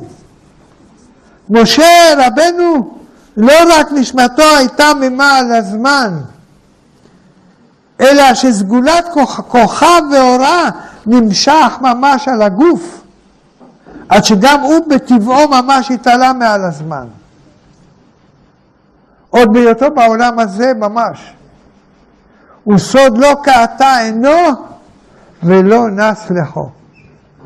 שלא פעל הזמן לגבולותיו בגופו של משה רבנו, אלא היה ממש נצחי וזוהר, כמו הור הנשמה, ולא שנעשה מלאך, שהוא עניין התפשטות מהעולם הזה ועזיבת מימן הגבול כאן, שכאן. לא כן משה עבד השם, הוא לא עזב את העולם בשביל להתקדש בגופו, אלא כאן ממש, בעומדו לפני השם יתברך, בהיותו עלי אדמות, הנה זיכך ממש את ממד העולם והחיים, וגופו נתעלה למדרגת נשמה עוד בהיותו בחיי חיותו בעולם הזה. ולא הצלח להבריד נשמתו מגופו. ולא לזכך גופו לבחינת מלאך, כמו חנוך ואליהו. אלא כאן, עמדו ואשמעה וידבר האל, כן? בשלמות ייחוד גוף ונשמה. עמדו ואשמעה. מדרגה עצומה מאוד של תיקון העולם והמשכת אור הנסח על הזמן להעלותו אף הוא למרומי הקודש הנצחי.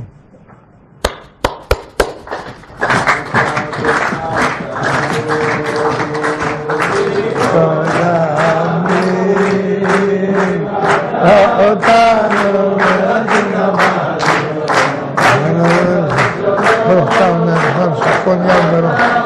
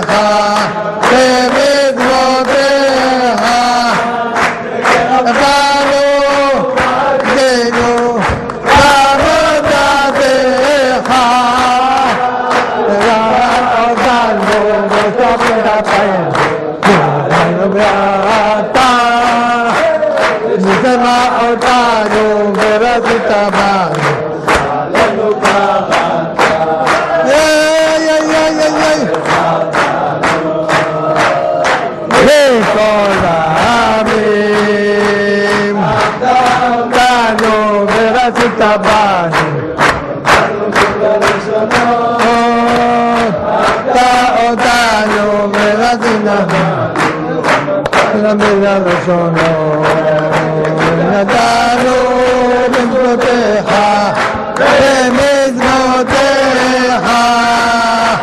נתנו במיל במיל יש שם. במיל במיל במיל יש כזה. בתוך הכיס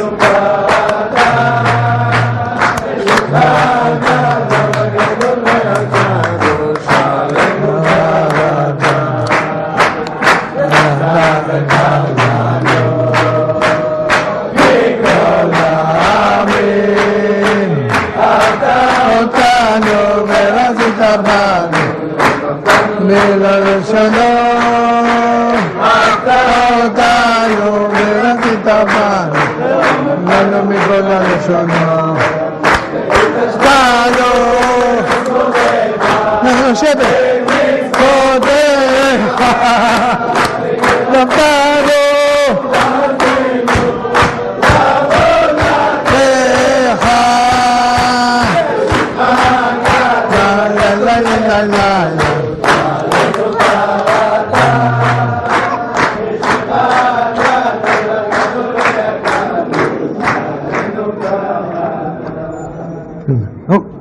עכשיו חזרנו עם הגוף לכאן. אם כן, נחזור לענייננו.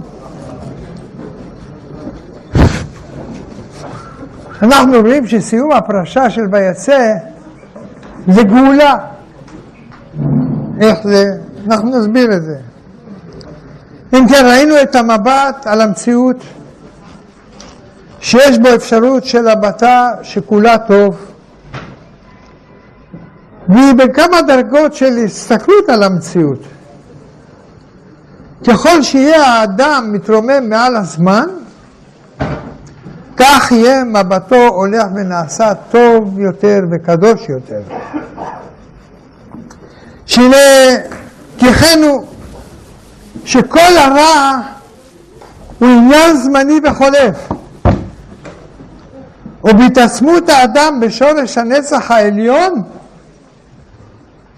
כן יתרבה בו אור חיי העולם הבא בעודו בעולם הזה. ויהיה שרוי בעול- בעולם שכולו טוב ממש. והוא חיי הצדיקים שכולה רוויה עונג ושפע וברכה, כי כל מבטם טוב הוא, ומלא אהבה וידידות נעימות. הנה אם כן נבין שהמבט על הרע הוא בא גם כן בשני רבדים, בחיצוניות ובפנימיות. הפנימיות היא תמיד טובה. כלל. והיא התוצר והברכה שבאה בסופו של התהליך. הנה זה סוד יסוד פרשתנו, שהיא פרשת הגלויות כולם, כמו שפתחנו ואמרנו. נשכיל ונבין יסוד עמוק מאוד, שהפרשה איננה מסתיימת בגלות, אלא כבר בתוך הפרשה הזו באה הגאולה והסיומת של הנדידה. ובמלאכי האלוהים הבאים לקראת יעקב אבינו, בשעה שהוא מלא בכל טוב, במשפחה רחבה ומבורכת, בריבוי של עושר וכבוד, הוא שב בנחלתו. הוא בא להורות לנו שאין כלל אפשרות שישראל יישארו במצב הקושי והצרה. הגאולה מוכרחה לבוא בשלימותה ממש. לכן, בבחינת מעשה אבות, לא נחלקו פרשות אלו לשניים, אלא בעוד אותה הפרשה, בתוך אותה הקריאה, כבר באה הישועה בגאולה. כדי ללמד את ישראל להביט על התהליך בשלמותו ולראות את הסוף הצומח מהקושי. וזאת סימן לבנים. שיהיו מביטים גם על חייהם באופן זה. לנסות ולראות את הטוב הצומח מתוך הקושי, ומה שאין מצליחים לראות מפני שהטוב הוא עוד רחוק. אבל הנה לכל הפחות יהיה מלא בלבבו באמונה וגבורה, לדעת שבאמת הכל לטובה ממש, להתגבר, להיות בשמחה ובתפילה, לזכות מהרה לראות בטוב השם, ולשמוח שאנחנו בידיים נאמנות וטובות, כי אין עוד מלבדו, ואהבתו אדירה אלינו. כך, באמת, פרשת גלות ישראל במצרים לא, נש... לא נסתיימה בפרשה אחת, אלא נמשכה כמה פרשות. אף שכבר בפרשת שמות התחילה הישועה על ידי משה רבנו, עליו השלום, מכל מקום לא היה כפרשת ויצא. שהגאולה השלמה והחזרה ארצה באה מיד בפרשה זו. מובן? הוא שבמעשה אבות נעשה הסימן המובהק ובו רואים אנו את הכל כמקשה אחת. מה שאין כן אצל הבנים, שכל דבר נעשה באריכות רבה, כי חיי עם ארוכים הם יותר מחיי יחיד. ואצל אבות הכל בתמציות ובגרעיניות. צרות יעקב בשביל ברכה פנימית. אם כן, יש לנו להביט בשני רבדים בענייני הצרות. הנה בפרשה זו אנו רואים ממש קצת הרע משמש לטוב, וכל מהותו בא בשביל להצמיח טוב יותר. והוא מה שאנחנו רואים, שכלפי חוץ נראה יעקב בורח מעשיו, שהוא נמצא בסכנות גדולות, ונלקח ממנו כל ממונו והונו עם אליפז. הוא בא לבדו בגופו, מגורש מבית אביו הקדוש, ללכת אל טמא שבטמאים, לבן הארמי. ואף שם חיי סבל היה לו. הייתי ביום אכלני חורף וקרח בלילה, ועתידת שנתי מעיניי. רימו בלי סוף. ותחליף את משכורתי עשרת מונים. הנה, באמת כל זה הצמיח ברכה גדולה מאוד. שהליכתו זו זיכתה אותו במציאת הזיווג, להשלים קומת ישראל, נולדו כל השבטים, שהם ממש יסודות קודש של האומה. כמו שאנחנו רואים בפרשה עד כמה המרכזי הוא עניין לידת השבטים. הכל מצד רוממות הקודש של דבר זה, שהוא ממש כינוי עם ישראל ויצירתו. הנה לעומת אברהם ויצחק, שהיו במשך שנים רבות ללא ולד, ואף גם זאת שלא נולד אלא בן אחד לשם. הנה יעקב אבינו לא כן, אלא מיד נולדו לו השבטים. ובמהירות רבה מאוד, פריאה ורבייה עצומה, שהרי יעקב אבינו היה עשרים שנה בביתו של לבן.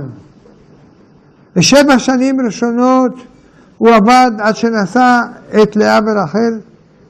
נמצא שבזמן קצר מאוד נולדו לו 11 שבטים, ודינה ביתו. והחזקוני אומר, הרב החזקוני אומר, שנולדו 11 שבטים ודינה כולם בתוך שבע שנים. וכבר מביאה, מביאה ראשונה נתעברה לאה כנודע, שהוא ראובן וכוחו מראשית עונו של יעקב. אף שרחל הייתה הכרה. וכל זה היה ביחס ללאה אחותה שילדה בנים רבים. אך ביחס לשרה ורבקה נחשב הדבר שילדה מהרה. שלפי פירוש החזקוני, יש פירוש שקוראים לו החזקוני, כשיעקב אומר ללבן, ויהי כאשר ילדה רחל את יוסף, ויאמר יעקב אל לבן, שלחני ואלך אל מקומי.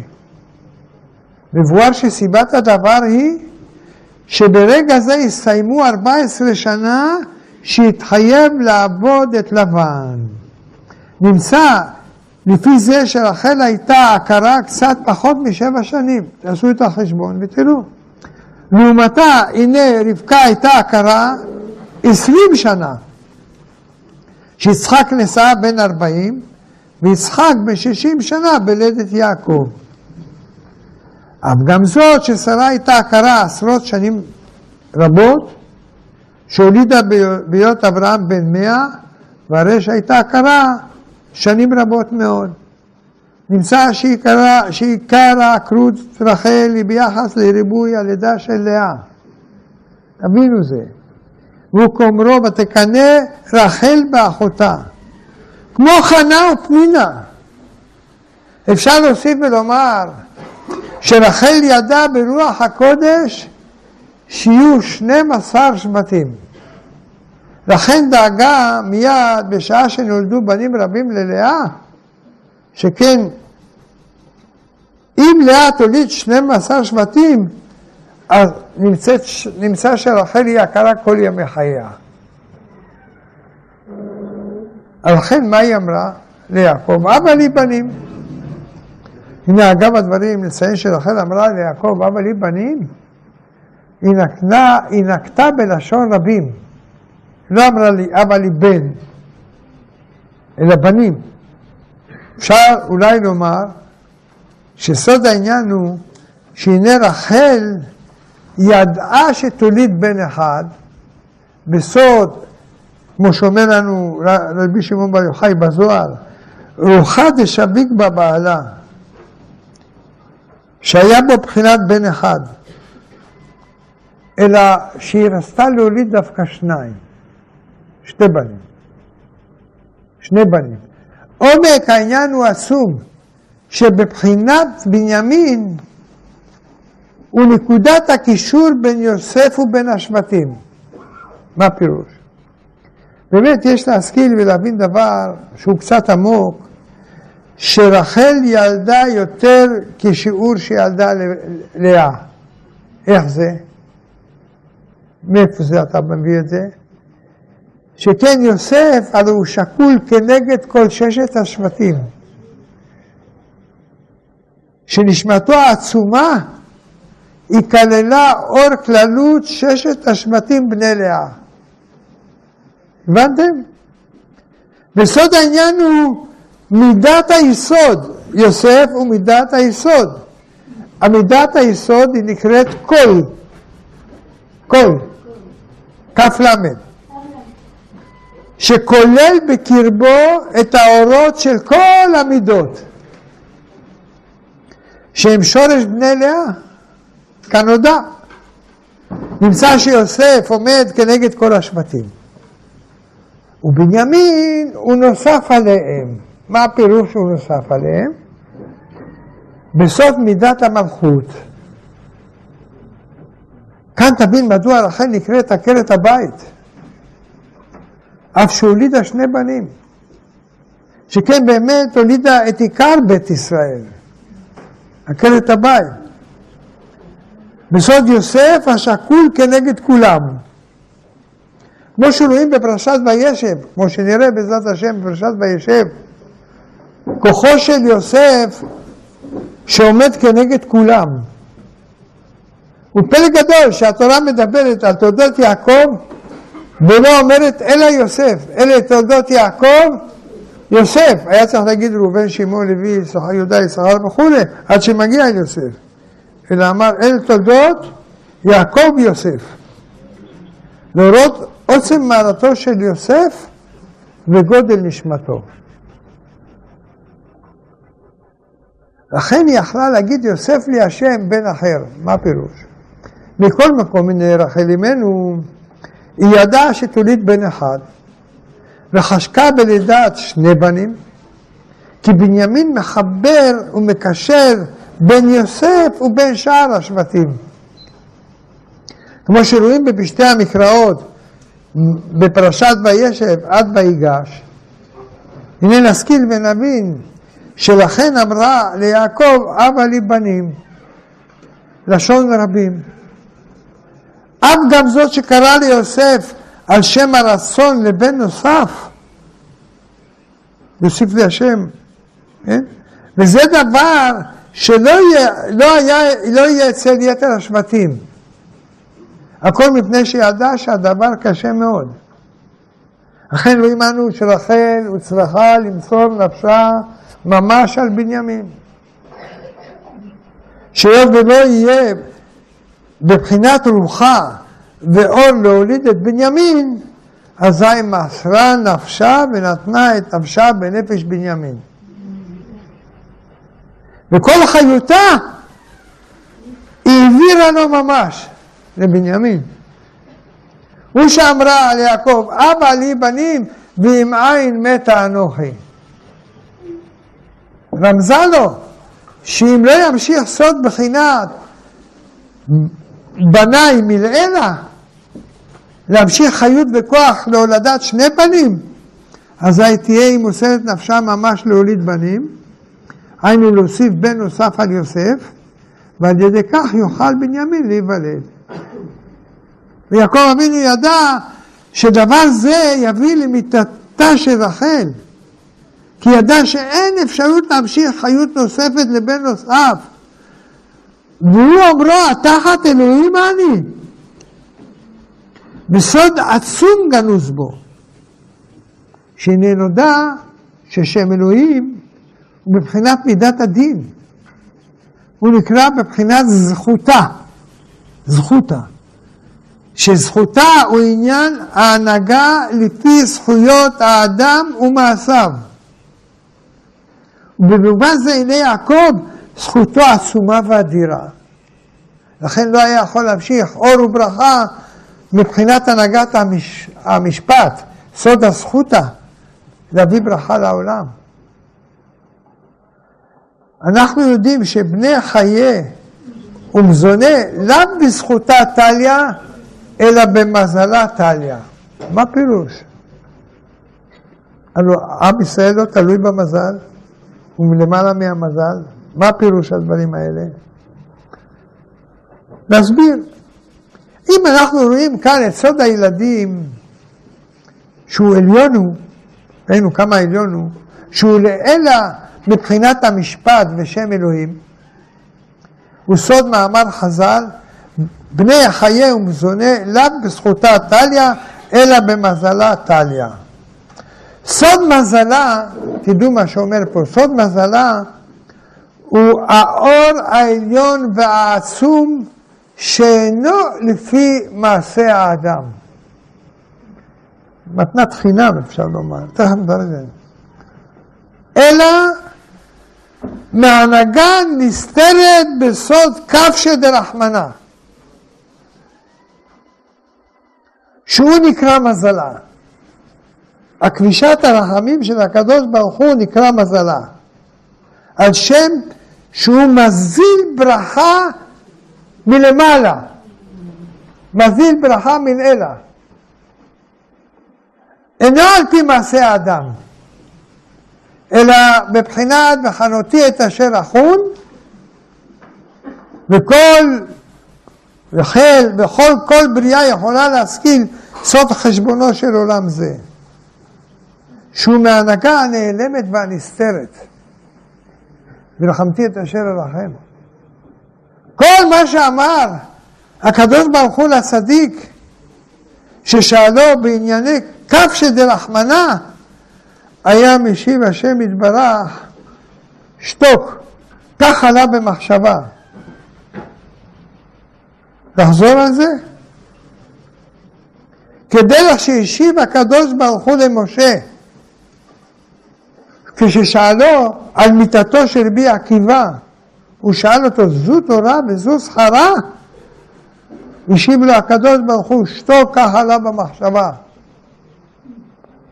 הכל בהנהגת כף שדרחמנה, בסוד הכתר העליון, בסוד הדובן העליון, שהוא סוד מזלה.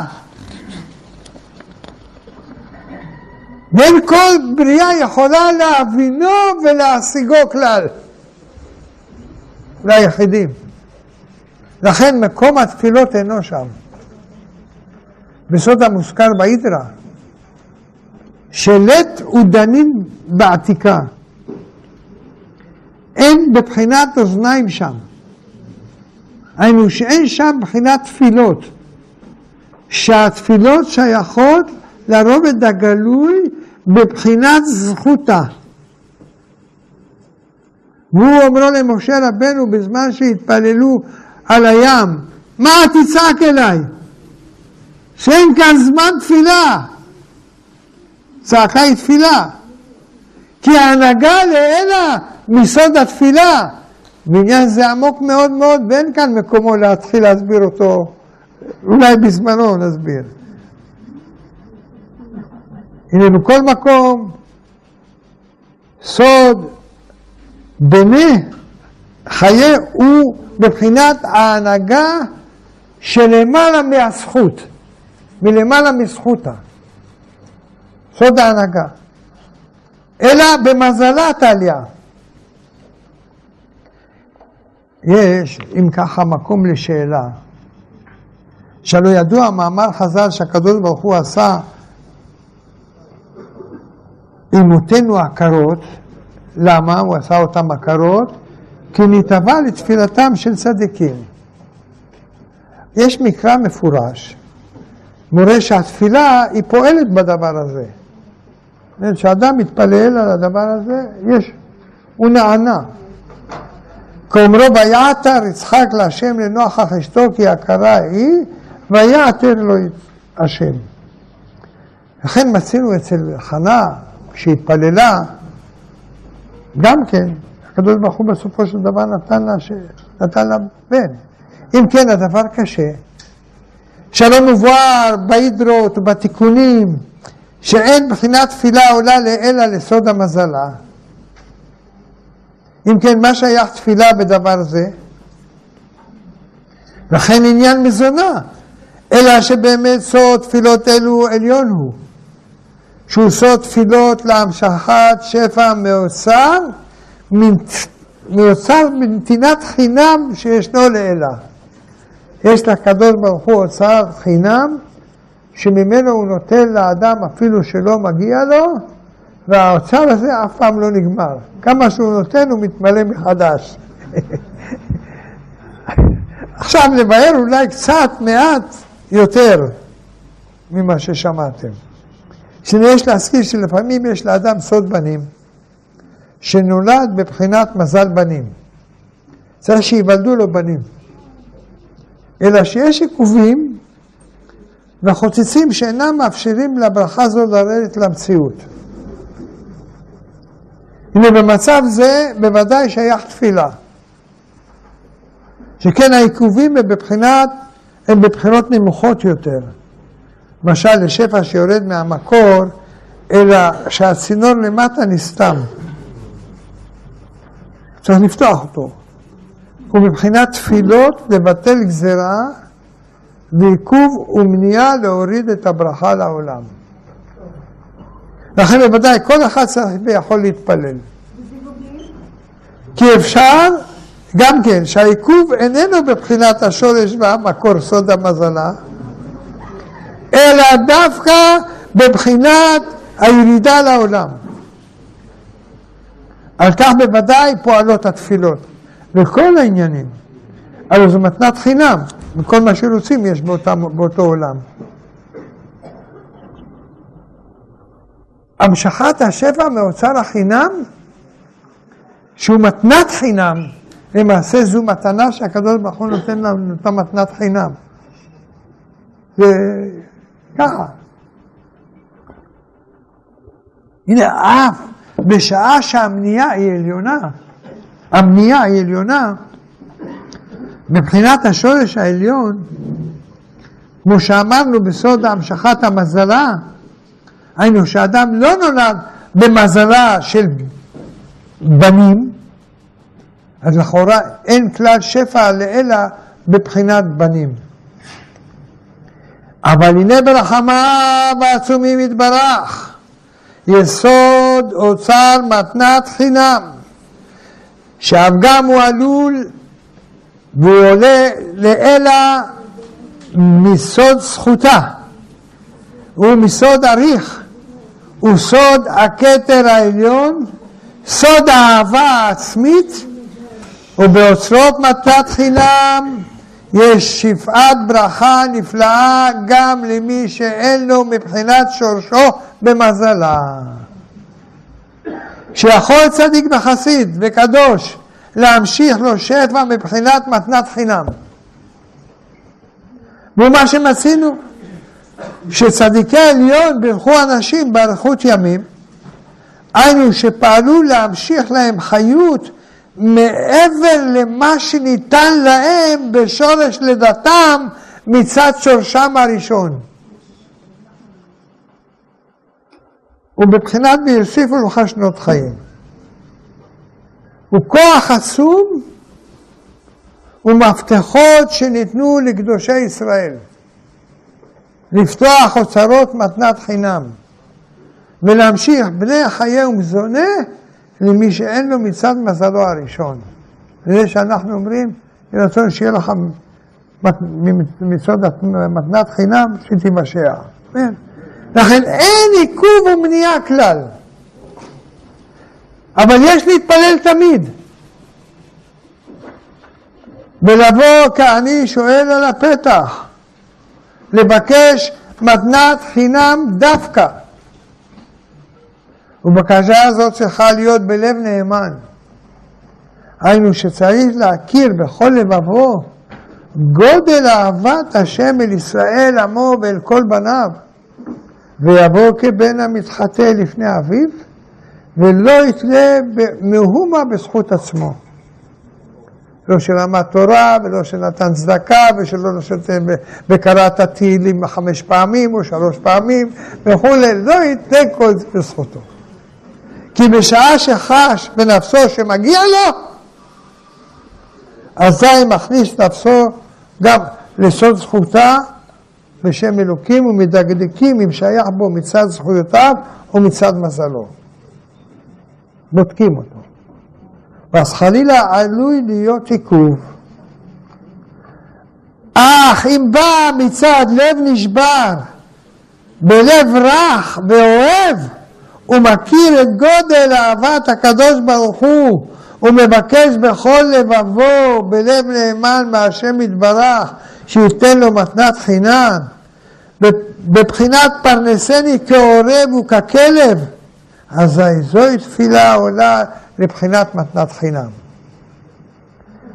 והיא התפילה להעניק יעטוף, ולפני אדוני ישפוך שיחו. כי אני הוא בעיני עצמו, שאין לו מאומה וחשוב כמת, ואזי עולה תפילתו לאלה לסוד אוצר מתנת חינם. ויכולה היא שתרחם לסייעו ולהצליחו. ובעניין זה ראוי ולומר, יסוד חשוב ועצום מאוד, שלעולם יהיה אדם נוקט בדרך זו, ותמיד תהיה בקשתו ותפילתו מסוד מתנת אוצר חינם, ולא יהיה אף פעם מעמיד עצמו בזכויות עצמו חלילה. שלא יגיד לי, יגיד לי אה, קראתי תהילים, נתתי צדקות, נתתי פה, עשיתי פדיון, עשיתי זה. לא. לא יהיה אף פעם מעמיד עצמו בזכויות עצמו חלילה. אלא בענווה ובתחושה שאינו מבקש מצד שמגיע לו, אלא כבן המבקש מאביו מצד עצם האהבה. ומי לנו גדול ממשה רבנו עליו השלום, שבתפילותיו לא ביקש אלא מאוצר מתנת חינם ולא מזכויותיו העצומות? קו דרחמנא. יש להזכיר לפעמים סוד כף דרחמנא, שהוא עליון ועצום ומאוד, שלפעמים אין השם נהנה לתפילה. אף שהיא בסוד אוצר מתנת חינם.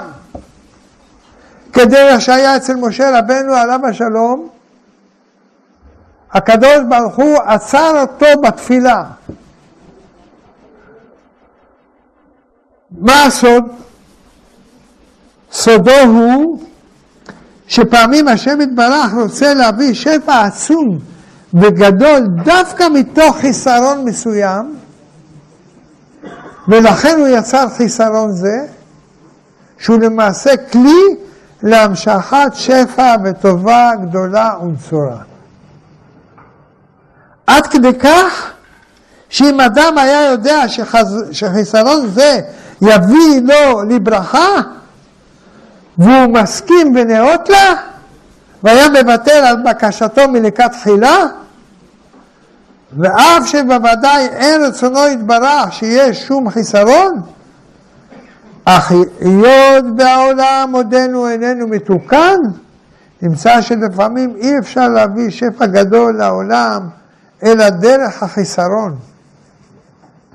בדברנו אלה לא באנו חלילה להחליש לבבות בתפילה ולומר לכם חל, חלישות דעת, כי כוח התפילה עצום הוא מאוד מאוד. אלא שמי שעודנו לא נהנה, יהיה משיב בלבבו שההטבה לטובתו ממש. כי אדוני הוא טוב הוא, וכל מעשיו והנהגתו איתנו טובה גדולה ונצורה היא. ויהי רצון שנהיה שמחים בחלקנו תמיד, לעולם ועד, וכל אחד ואחד שמח בחייו, ורואה טוב בעמלו. בגבורות קודש ושמחת ישרים.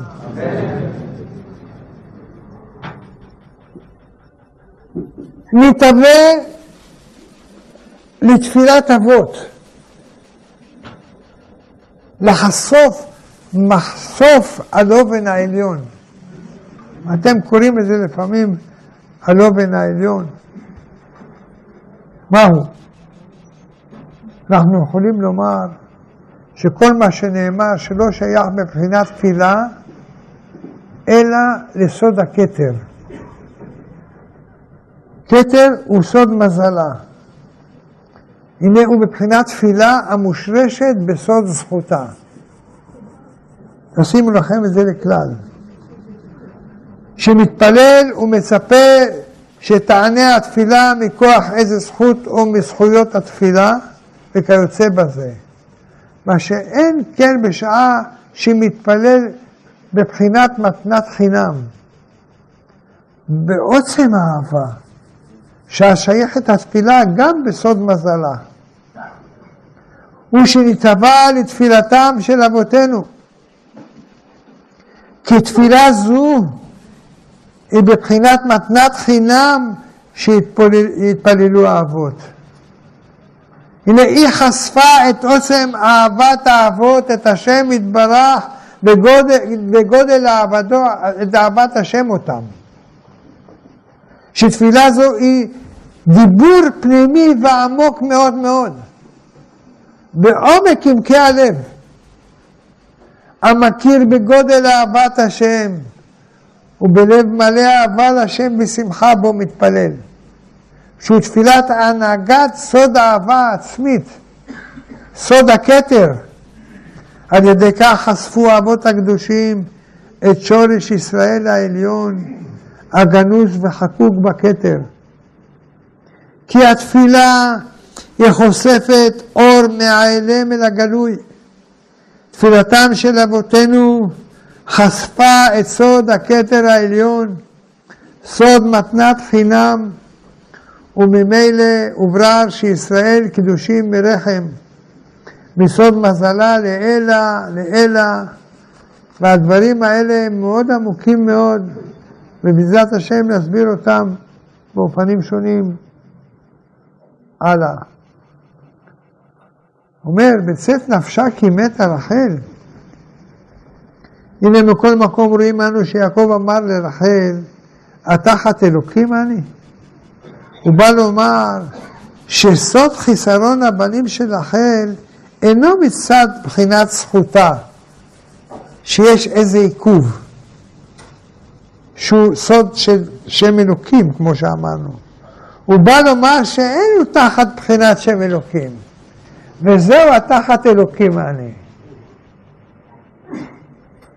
תבינו הפירוש, מתוק מדבש. סוד זכותה. אלא חיסרון זה מושרש לאלה בסוד מזלה, סוד הכתר. הוא אשר למזלה. כי מנע ממך, שממך הוא ממם כף סופית, היינו כף סופית, יצא הדבר, מהשם יצא הדבר. שכף סופית הוא הכתר, כידוע. מסוד מזלה מושרש הדבר. וראה יעקב לעילא לעילא ששני בנים לא ייוולדו לרחל בחייה, אלא כמו שראתה היא, שתצטרך לתת נפשה לדבר, ולמסור נפשה ולתת חיות עצמה לבנימין. לכן אמרה, אבא לי בנים ואם אין מתה אנוכי. שאם עין, היינו אם הדבר תלוי בעין, בסוד המזלה, סוד הכתר, אז אמסור נפשי על הדבר. עצום. לתת לו את נפשי לאחיותו. הוא מה שאמר הכתוב, ויהי בצאת נפשה כי מתה. ומהו הלשון כי בצאת נפשה כי מתה? הלא צאת נפשה הוא מוות. ומה יש לומר? עוד פעם כי מתה, שלכאורה זה מיותר, ומשמע שכי מתה הוא תיאור סיבה לצאת נשמת נפשה. אלא שבא לרמוז לנו למה שאמרה היא, ואם אין מתה אנוכי. היינו שתמסור עצמה לכך, ודווקא בגלל הסכמה, הסכמה זו, אזי יצאה נפשה וניתנה לבנימין, שרחל בחרה למסור נפשה על הדבר הזה ממש. והוא שם, שאמרו לה מילדות, אל תראי כי גם זה לך בן. ולפי כך מדברים אל ההולכת למות, אומרים לה, אל, אל תפחדי עכשיו, יש לה גם. אלא שיראה רחל שהיות בנפשה היא נפש מסיתרא דנוקבה, אזי יראה שתיוולד בת. הבנתם את העניין? כי מוסרת היא נפשה דנוקבה. לכן אמרה שגם זה לך בן, והוא נעשה מכוחו בזכותו של יוסף, ששמו ממש מסייע ללידת בנימין. שרחל ידעה שהדבר קשה, להוליד בן על ידי נתינת נפש דנוקבה בו, שמסרה, שמסרה עצמה בו, לכן קרא ליוסף השם לדת בן אחר. והשם הוא אור ומהות וכוח. ועל ידי כך סייע הדבר להולדת בנימין. סוד גדול. לכן נקשרו קשר עולם הזה בזה. כי אורו של יוסף חקוק בבנימין ממש. וזה יוסף יסוד דוכרא, ובנימין יסוד דנוקבה, מה שאימו נתנה לו. ותשכיל סוד בנימין, שלפעמים כתוב בתורה בנימין, ולפעמים בנימן, בלי, בלי היוד. חסר יוד בין המם והנון. תסתכלו בתורה, תראו. אני לא יודע אם אלה שעולים לתורה, הם שמים לב על זה. וסודו שבנימין הוא מלשון בן ימין, שמוזכר בו ימין, שהוא דוכרא. לפעמים שמו בנימן, בלי היוד, שהוא בנימן, שהוא סוד בני מיין נוקבין, בני מן, בלי היות. זה פונטיקה, אה? היינו מיין נוקבין, שיש בו סוד נוקמה כנודע. ככה מורבי אומר, זה פונטיקה. אתה מבין? הוציא את היוד, סוד בנוקבה. ולהורות על כוח הנוקבה והדוכרה שבו. אין כאן מקום יותר להאריך. לא ניכנס לזה. אבל דרוש זה, הוא קשור גם לעניין חבקוק הנביא. איפה אתה ואיפה חבקוק? נכון? זה גם פונדיקה. ליצחק אבינו כנודע. יצחק ורבקה עם סוד האבא והאימא המגדלים את הבן. אם כן, נשוב לענייננו קצת. הנה אנחנו רואים שיעקב אבינו עליו השלום, הוא חזר מבורך בכל טוב. חזר מלבן מבורך בכל טוב. ואנחנו השכלנו והבנו שלמעשה כל הרעה שרדפו, בבחינת עשיו ולבן, שהם רשעים עצומים ורע גדול מאוד, כמו שאנחנו הסברנו את זה פעם בהגדה ארמי עובד אבי וכולי. הנה באמת כל זה נועד וכוון מאת השם ממש להביא ליעקב ברכה נפלאה ואדירה. אף שנקבע, שנבקע כבר אמרה מראש ליצחק, שיעקב ילך בשביל לקחת אישה. הנה כל זה ראתה ברוח הקודש את הפרי הטוב שיבוא מבריחתו. הייתה נביאה, האימהות היו נביאות. אף הטעם הגלוי היה עניין הבריחה מעשיו דווקא. כמו שאמרנו בפרשה, לכן הוא יצא באסתר. ונתגלגל הדבר דווקא על ידי זה. ולכן ליעקב לא אמרה אלא את הטעם הגלוי. הנה עשיו אחיך מתנחם לך להורגך, ואתה פני ישמע בקולי קום וברח לך. היינו שאף שהיא ראתה את האור שיצמח מהדבר. הלוא היא, היא, היא מבחינת אימא, אם, אם, כל אימא דואגת לבנים שלה. שיהיו לה עשרים, חמישים, לא משנה, אבל היא דואגת לכולם אותו דבר. סוד אימה היא לה, סוד השפע העליון שמחבר בין ההנהגה של הטוב המוחלט ובין ההנהגה הגלויה. ומה שביאר הרמח"ל, שסוד אימא ואבא הם מבחינת המגדלים את הבן. סוד התפארת, הרוממו ולהעלותו אל מדרגתו העתידית והשלמה בסוד אור הכתר, או בסוד המחשוף הלבן, העליון וכולי, ואין כאן מקומו להסביר.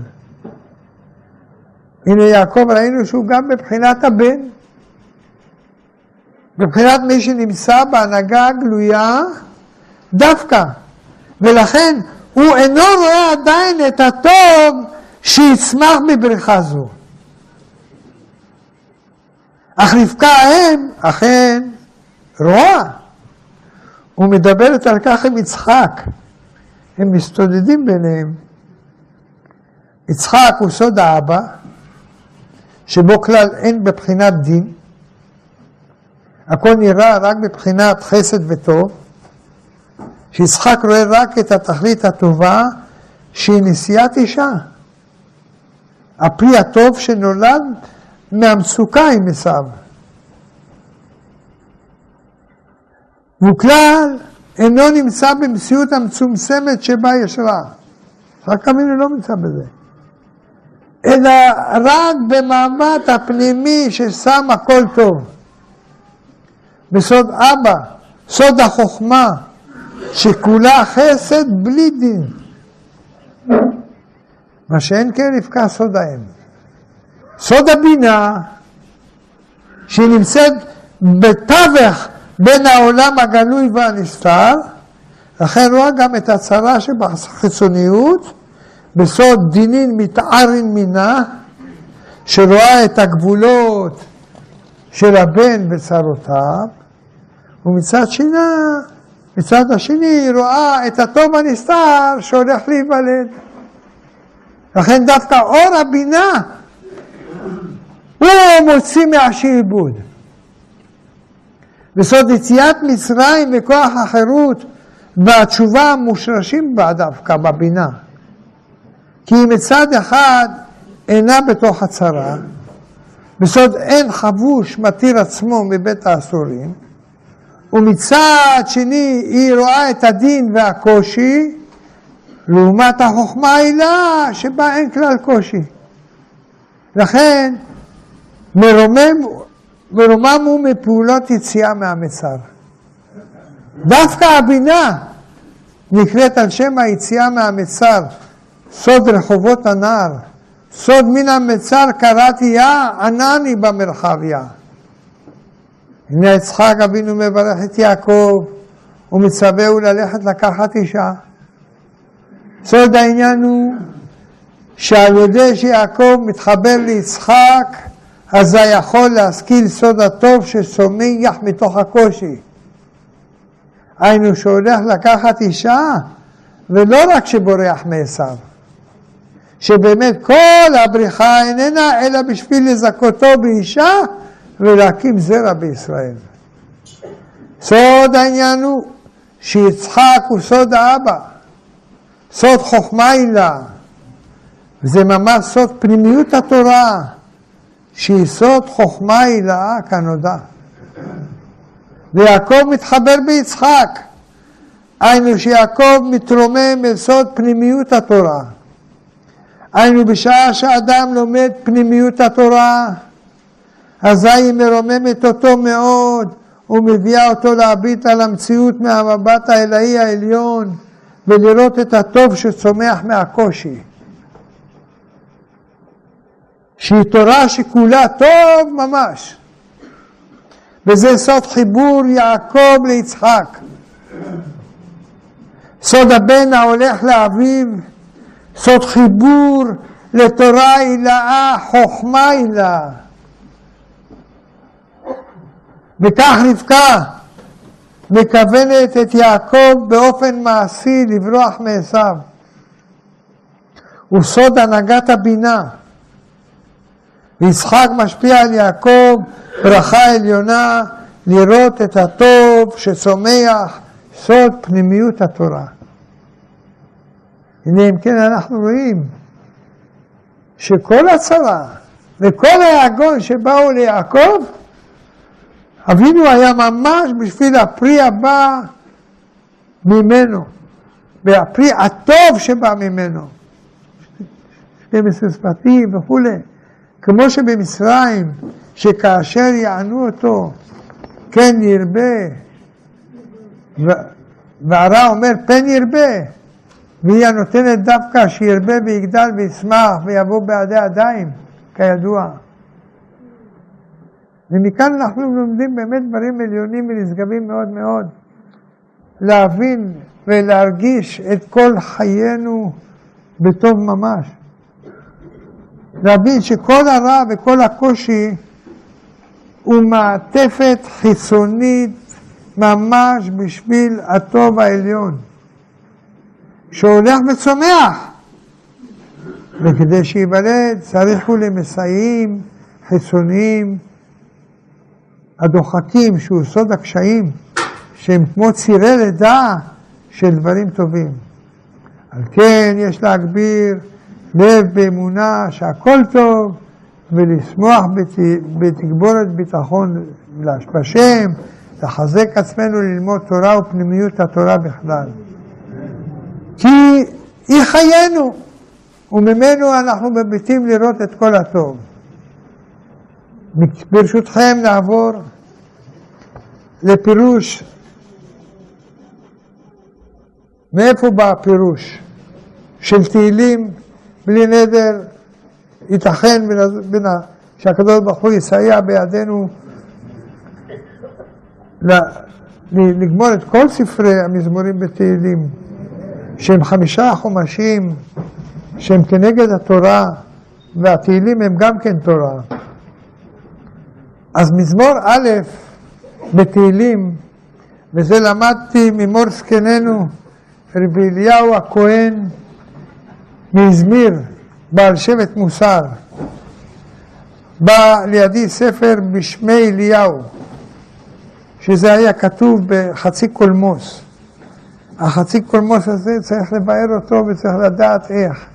ברוך השם, הקדוש ברוך הוא סייע בידינו למצוא את האדם המתאים שיוכל, הוא יודע שיוכל להעלות את זה על הכתב בכתיבה אשורית שלנו, וראינו בלי נדר שאנחנו בעזרת השם נלמד ממנו את המזמורי תהילים שבתפילה, שהוא מסביר אותם בדברים יוצאים מן הכלל, בסודות יפים, דברים נעימים, מדשנים את, ה, את, ה, את הגוף ואת הנשמה ביחד. חשקה נפשנו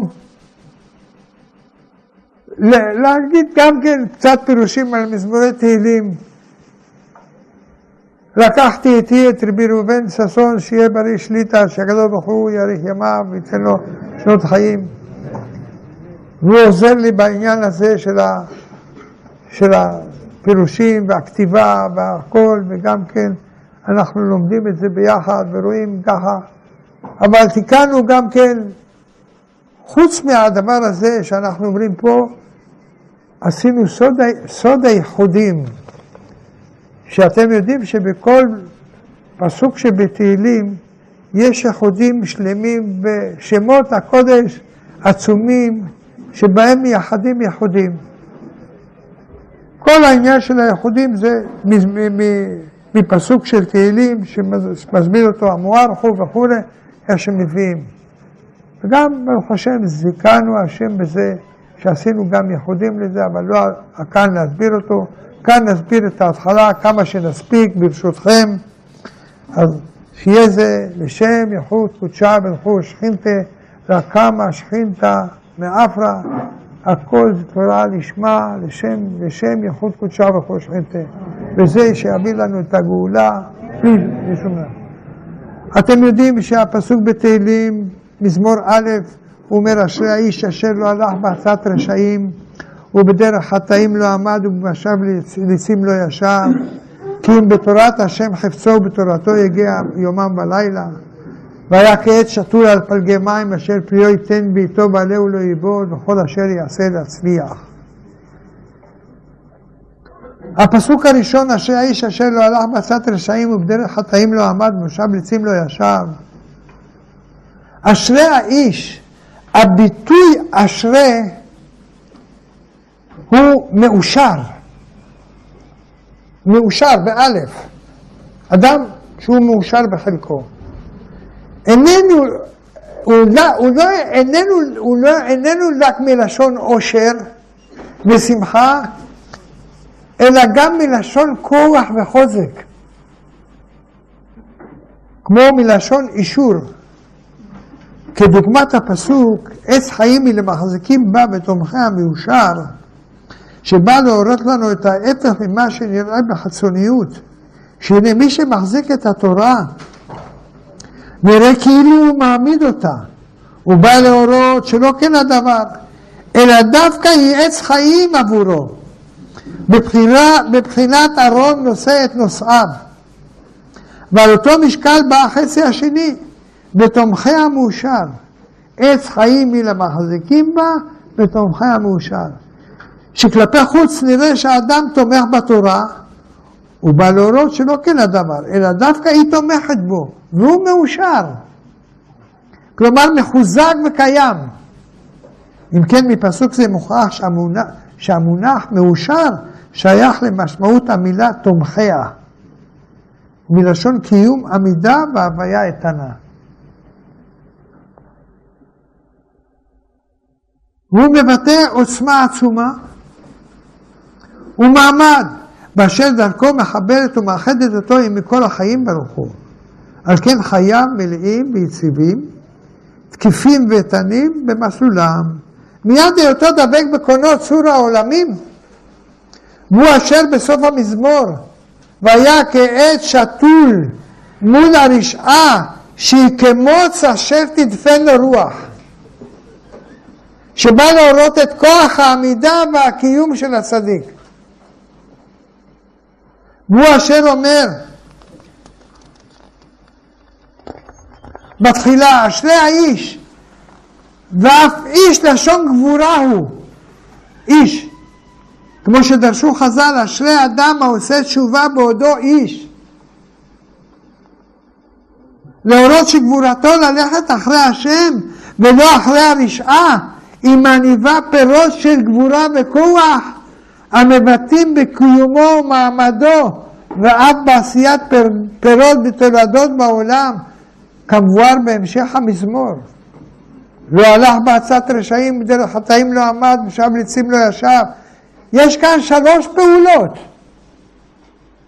הלך, עמד, ישב. שימו לב. שלושת אלה הם כוללים את כללות פעולות האדם. שלושת הפעולות האלה מזכירות מיד את הציווי בקריאת שמע, והיו הדברים האלה אשר אנוכי מצווך היום על לבביך. ודיברת בם בשבתך בביתך ובלך בדרך ובשבתך וקומך. גם כאן יש הליכה, יש עמידה וישיבה. אמנם כאן כולל גם שכיבה, והוא לינת האדם בשוכבך ובקומך. בהיות ואין הרגל של אדם לישון, גם שכיבה הוא לינת האדם. בהיות ואין הרגל של אדם לישון אלא בביתו, לא נקט בתהילים לשון שכיבה. למה הוא לא אמר לנו שכיבה בלשון של התהילים? לפי שהאדם, אין הרגל של האדם לישון אלא בביתו. אז הוא לא נקט לשון שכיבה פה. כי בשכיבתו הוא מוגן ובביתו, ואיננו נמצא בשביבת הרשעים. מה שאין כן בבחינת העמידה, ההליכה והישיבה, שהם עלולים להסתאב בסואבת הרשעה. ובאמת, אפשר שאדם זה, עליו מדבר דוד המלך, הוא מי שמקיים במלואו את פרשת קריאת שמע. והוא אשר אומר בפסוק הבא, כי אם בתורת אדוני חפצו, ובתורתו יהגה יומם ולילה. יומם ולילה, ובשוכבך ובקומך. הכוללים את יומו ולילו של האדם. אפשר שתורת השם חפצו מגביל מלאכתך בדרך, שהוא עניין עשיית חפציו של האדם. הוא בא לו לומר שאדם זה גם בזמן חפציו, עשיית מלאכתו והליכתו בדרכי העולם, אזי הכל הוא תורת השם חפצי שמיים. יש לעיין בשלושת הפעולות הללו. מה אומר? לא הלך בעשת רשעים ובדרך חטאים, לא עמד, לא ישב. לכאורה הישיבה היא המצב החמור ביותר, שקובע עצמו עמהם. אחריה הוא העמידה, שכבר נעמד. והקל הוא בתחילה ההליכה, שעובר במקום הרשעה, אך אינו עומד שם עדיין. ולפי זה הדבר קשה. הלוא אם מדובר באדם שאינו הולך בעשת רשעים, קל וחומר שאינו עומד עמהם. ומדוע צריך לציינו? ובאמת הגמרא לומדת שזהו התהליך שמתחיל בקל ונגמר בחמור. רבותיי, מה זה קל וחמור שאנחנו אומרים? רבי ישמעאל אומר בשלוש עשרה עמידות, התורה זה שבקל וחומר בגלל שבה ממיד אב ושני כתובים. לא אביא לכם את כל הזה, ברוך השם, יודעים אותה. אלא על כל דבר שהוא כתב רבי ישמעאל, צריך לעשות תשובה. על כל דבר שכתוב, יש עבירה שבאה שמה. ואדם צריך לעשות תשובה וללמוד מקל וחומר וללמוד בגזרה שווה וללמוד, הכל זה מוסר שלם וגדול. יש. אם אתם ראיתם, לפני שנים רבות הבאנו את זה, שיש בידוי מהרב נפתלי מרושפיץ, עליו השלום, הכהן, נכון? אתם הייתם על קברו בטורקיה. נפתלי, הכהן, נפתלי כץ, הכהן. אז הוא מביא שמה, בעניין העבירות שעושים את הווידוי, אז תסתכלו שמה, הוא מביא את כל הקל וחומר על מה עברנו. דברים מבלילים מדהימים, ואיך אדם צריך לעשות תשובה. אז באמת הגמרא לומדת שזה התהליך שמתחיל בקל ונגמר בחמור. אז יש כאן שלוש מדרגות של רשעה. יש רשעים, יש חטאים ויש ניצים. הרשעים הם השבילים ביותר, שהרשעה היא הרוע שבמחשבה. אנשים בעלי אידיאולוגיה של רשעות. לעומתם, החטאים הם אותם שנופלים ברשעה בגין תאוות החומר המפילה אותם למטה, תאוות. השלישי הם הליצנים, שעיקר הפגם שבהם הוא הבטלה מדברים שהם יישוב העולם בתיקונו. והימצאות בליצנות וצחוק, שהם מקרבים את האדם למפתן העבירה והנפילה.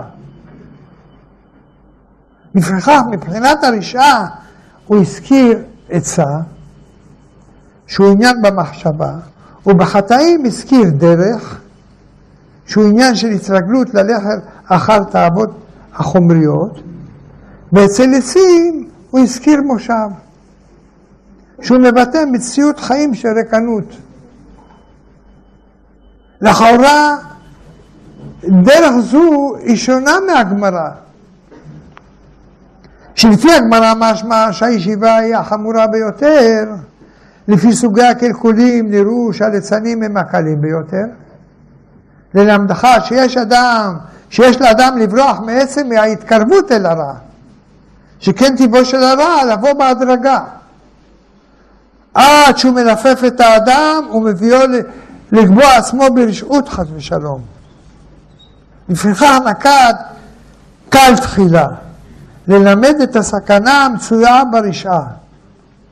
ובדבר זה לומדים אנו את טיבו של האיש הכשר, שבקרבו מלא הוא בסלידה מהרע, ולבבו בוער באש יראת חטא, שכל תודעתו מסלק עצמו מן הרע ואינו מתקרב כלל.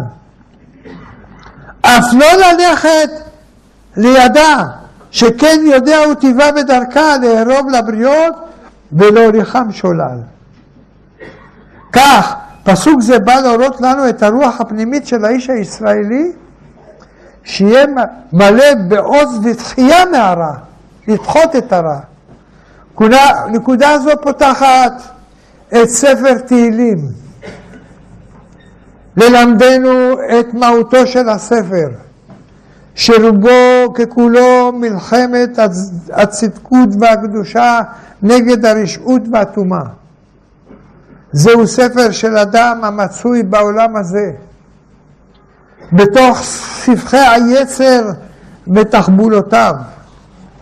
סביב רשעים המתהלכים ועורבים, הן אויב חיצוני והן אויב פנימי.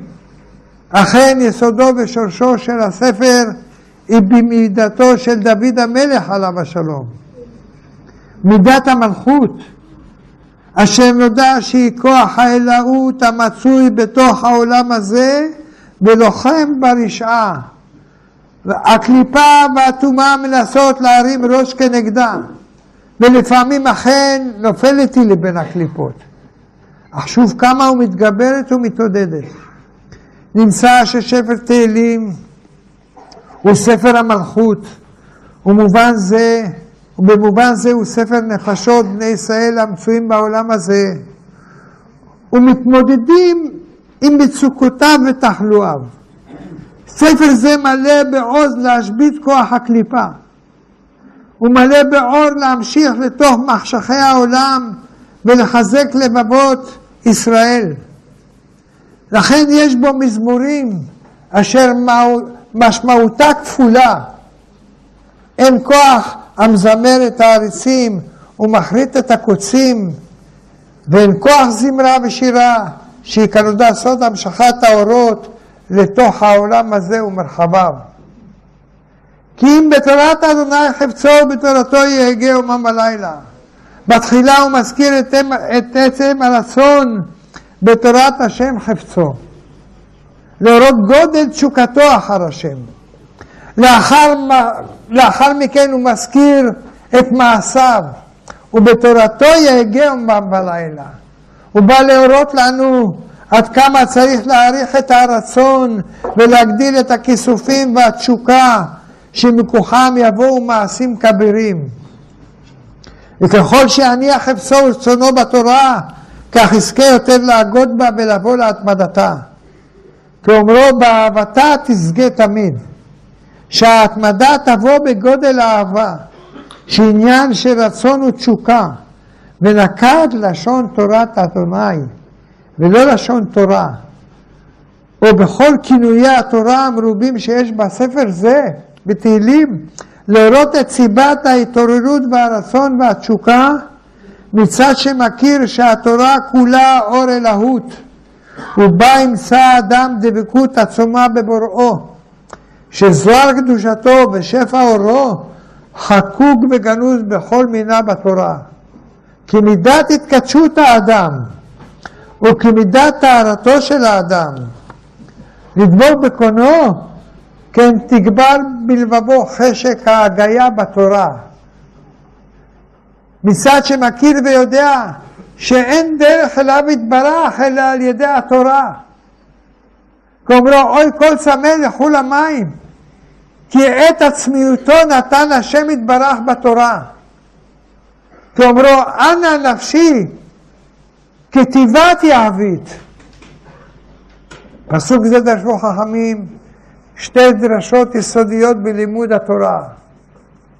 הראשון הוא דברי הגמרא בקידושין, שדקדק במילים תורת אדוני מול תורתו, ודרש שבתחילה התורה היא תורת השם. לאחר מכן זוכה האדם, מתאחד כל כך באור התורה, עד שנעשית עצם מעצמיו ונקראת על שמו תורתו.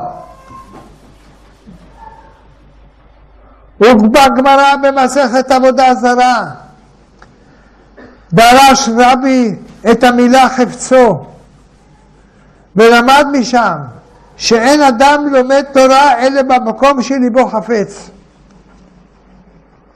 הנה יש להתבונן בשתי דרשות אלו כאחד ולהסיק מהם לימוד עצום ויקר מאוד. הנה כתוב בפסוק ארבע מילים בזה אחר זה. תורת אדוני חפצו תורתו. היינו שהמילה חפצו נמצאת בתווך בין תורת השם ובין תורתו. מכאן נשכיל ונבין שהדרך לזכות למדרגת תורתו שהיא מורה על קניין מוחלט של האדם בתורה. עד שנקראת על שמו. היא דווקא מכוח המילה חפצו היינו שמקיים הוראת מילה זו להיות לומד דווקא במקום שליבו חפץ יסוד העניין הוא שהלב החפץ הוא המצפן הפנימי שמכוון את האדם אל עבר חלקו בתורה. שיודע שכל נשמה מושרשת בחלק מסוים בתורה, שהיא למעשה סוד תורתו. בשעה שאדם מקשיב בלבבו לשמוע את עומק חפצו וחשקו בחלק התורה, או בחלק שבתורה, אזי הוא הולך בדרך נכונה להתוודע אל חלקו בתורה ולגלותו. וממילא הולך וזוכה בחלקו בתורה ונעשה תורתו.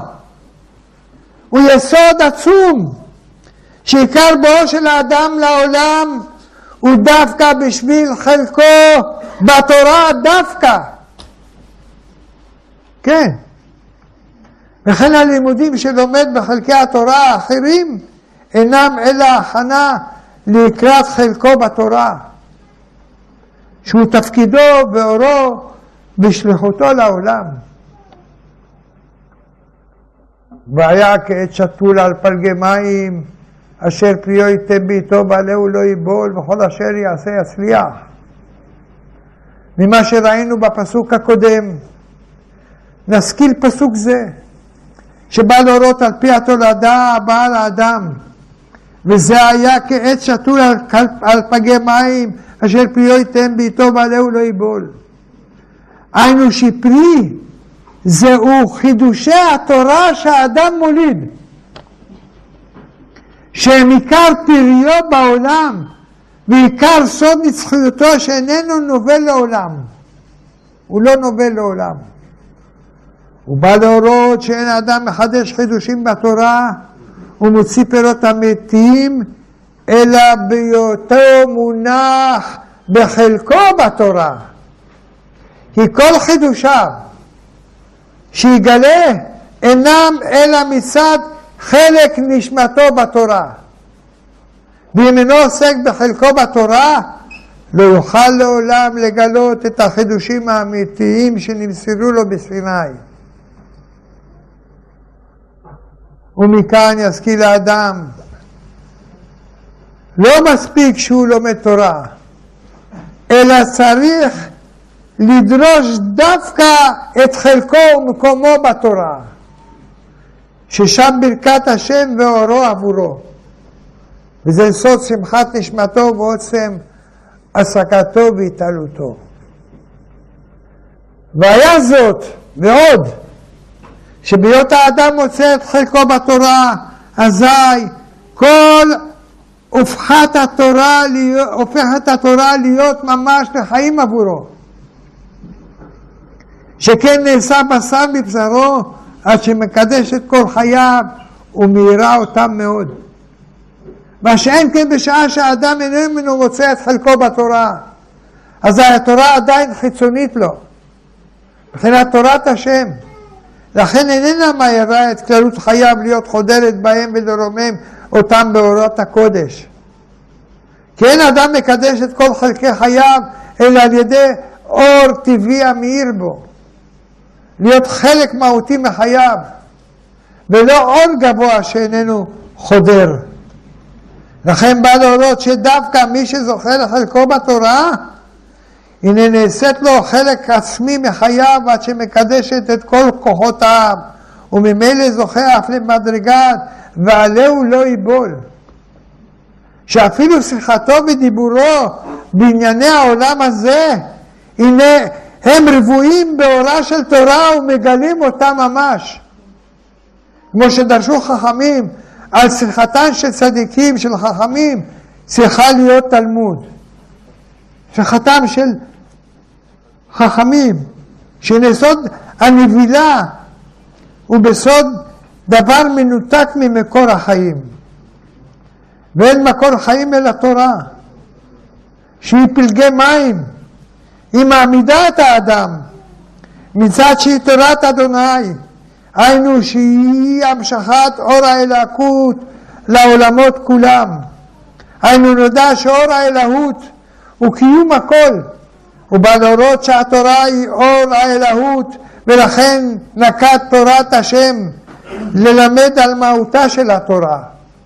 לאחר מכן בא להורות דרך התקשרות האדם עם התורה, שהוא דווקא בתורה שלו, ועל ידי כך יהיה שתול בכל עת על פלגי מים, שהוא התפלגות מימי התורה לפלג ולחלק שלו, וממילא יהיה מושקה תמיד ממעיין החיים, עד שאפילו העלים שהם האמצעים והצרכים הסובבים את, את מהות החיים, שהיא הפרי, הנה הכל יהיה מושקה ורווי מאור התורה.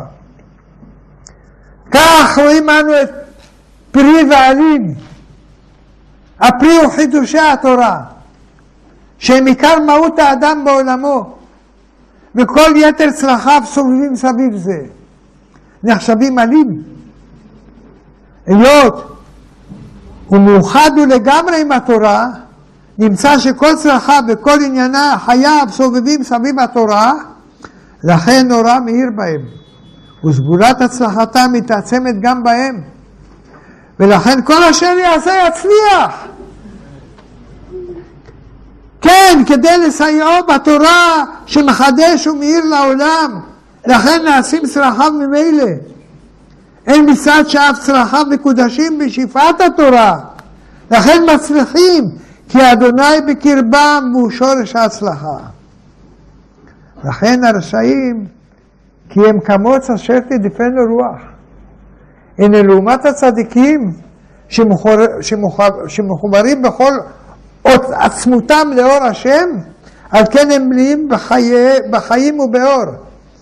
שהם באים לידי ביטוי בתולדות ופירות הצומחים מאישיותם הברוכה בברכת השם. הנה הרשעים אינם כן. דרכם מביאה את מהות חייהם לבחינת מוץ, שאין בו פרי ואין בו צמח. ולא זו בלבד, אלא שאין לו קיום ומעמד. על כן, בכל רוח הוא מתנדף הוא. לא כן הרשעים עם כמוץ אשר תדפן רוח. זאת לעומת הצדיק שהוא השבב, עומד וקיים בכל כוח. הרשעים מנהלים את חייהם בדרך של רקנות נבובה, על כן כל אישיותם צומחת כהם פסולת יבשה וחסרת חיים. על כן לא יקומו רשעים במשמעת וחטאים בעדת צדיקים. לעומת ההתחלה, שמתארת כיצד הצדיק אינו הולך להתחבר לרשעים. כעת בא ההפך, איך הרשע אינו יכול במעמד הצדיקים. משפט הוא האמת. חיים של אמת וקיום, חיים מלאי משמעות. ותוכן בבחינת עלמא דקשות, עלמא שיהיה עולם שהוא אמת, קשות זה אמת. הרשעים אינם יכולים לעמוד במעמד, חיים, במעמד של חיים ושל קודש קיימות. החטאים אינם יכולים להיכנס לעדת צדיקים, להתקלל באורח החיים המאיר והרענן של הצדיקים. נודע שהמשפט הוא התפארת, מידת האמת, תיתן אמת ליעקב. הצדיקים הם מידת היסוד. הנה הרשעים הם מקבילים למשפט והחטאים לצדיק. כאמור בהערה הקודמת, הרשע הוא רוע במחשבה ובאידיאולוגיה, עצת רשעים. לכן ההפך מהם הוא האמת, שהוא המחשבה המתומכנת והקדושה.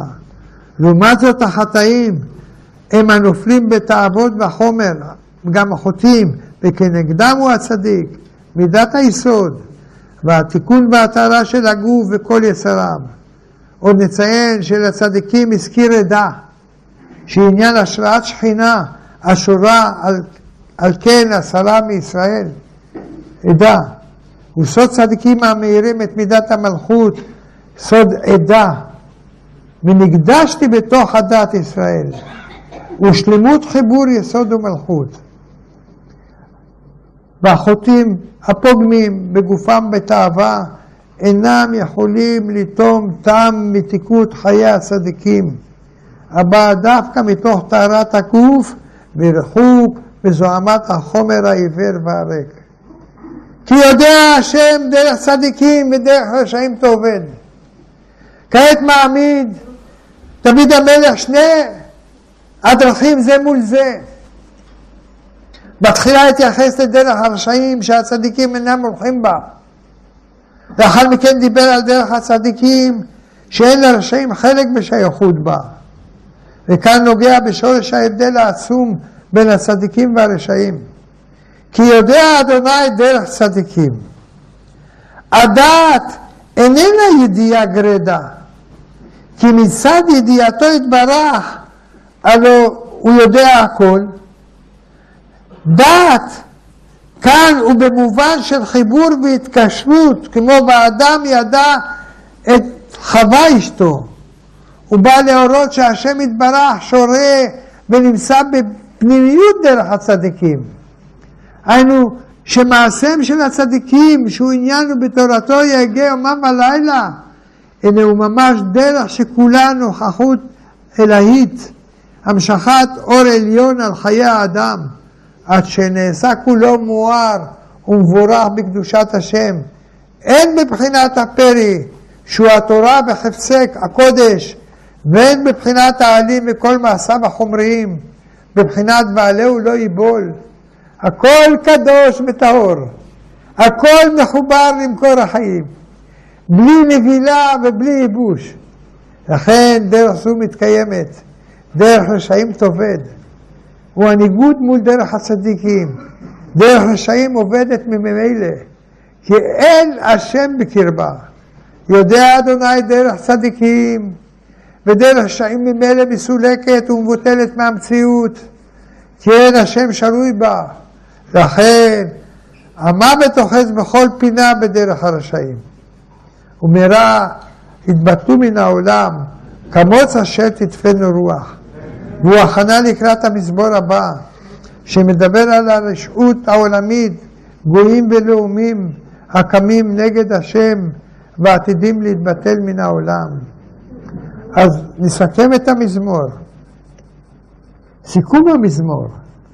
הנה נמצא סיכום פרק זה, שדוד המלך, הוא מדבר בו על יציבות האדם בעולם וכוח עמידתו וקיומו. הוא בא להורות שכל חיי האדם מושרשים בתורה, שבהיות האדם שקוד על לימודה, אזי רואה ברכה ושפע.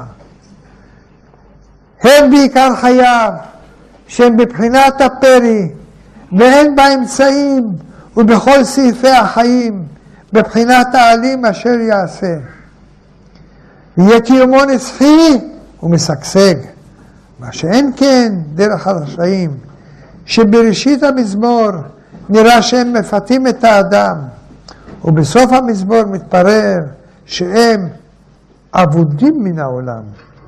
עיקר בשורש המזמור הוא סביב לימוד התורה, רבותיי, שעיקר הכל, הוא בא פותח הספר, את ספר התהילים, שיקרוא, שעיקרו וזמירות ובבחינת תפילה, כנודע שמידתו של דוד המלך מידת המלכות, יסוד התפילה, כאומרו ואני תפילה. הנה עיקר מגמתה ורצונה הוא בתורה, שהיא כוח ההשפעה והברכה לאדם, ואף מכוח התורה יבוא לידי תפילה. הכל הוא בסוד אור קודשה שברכו, שהוא שפע החיות והקיום כל.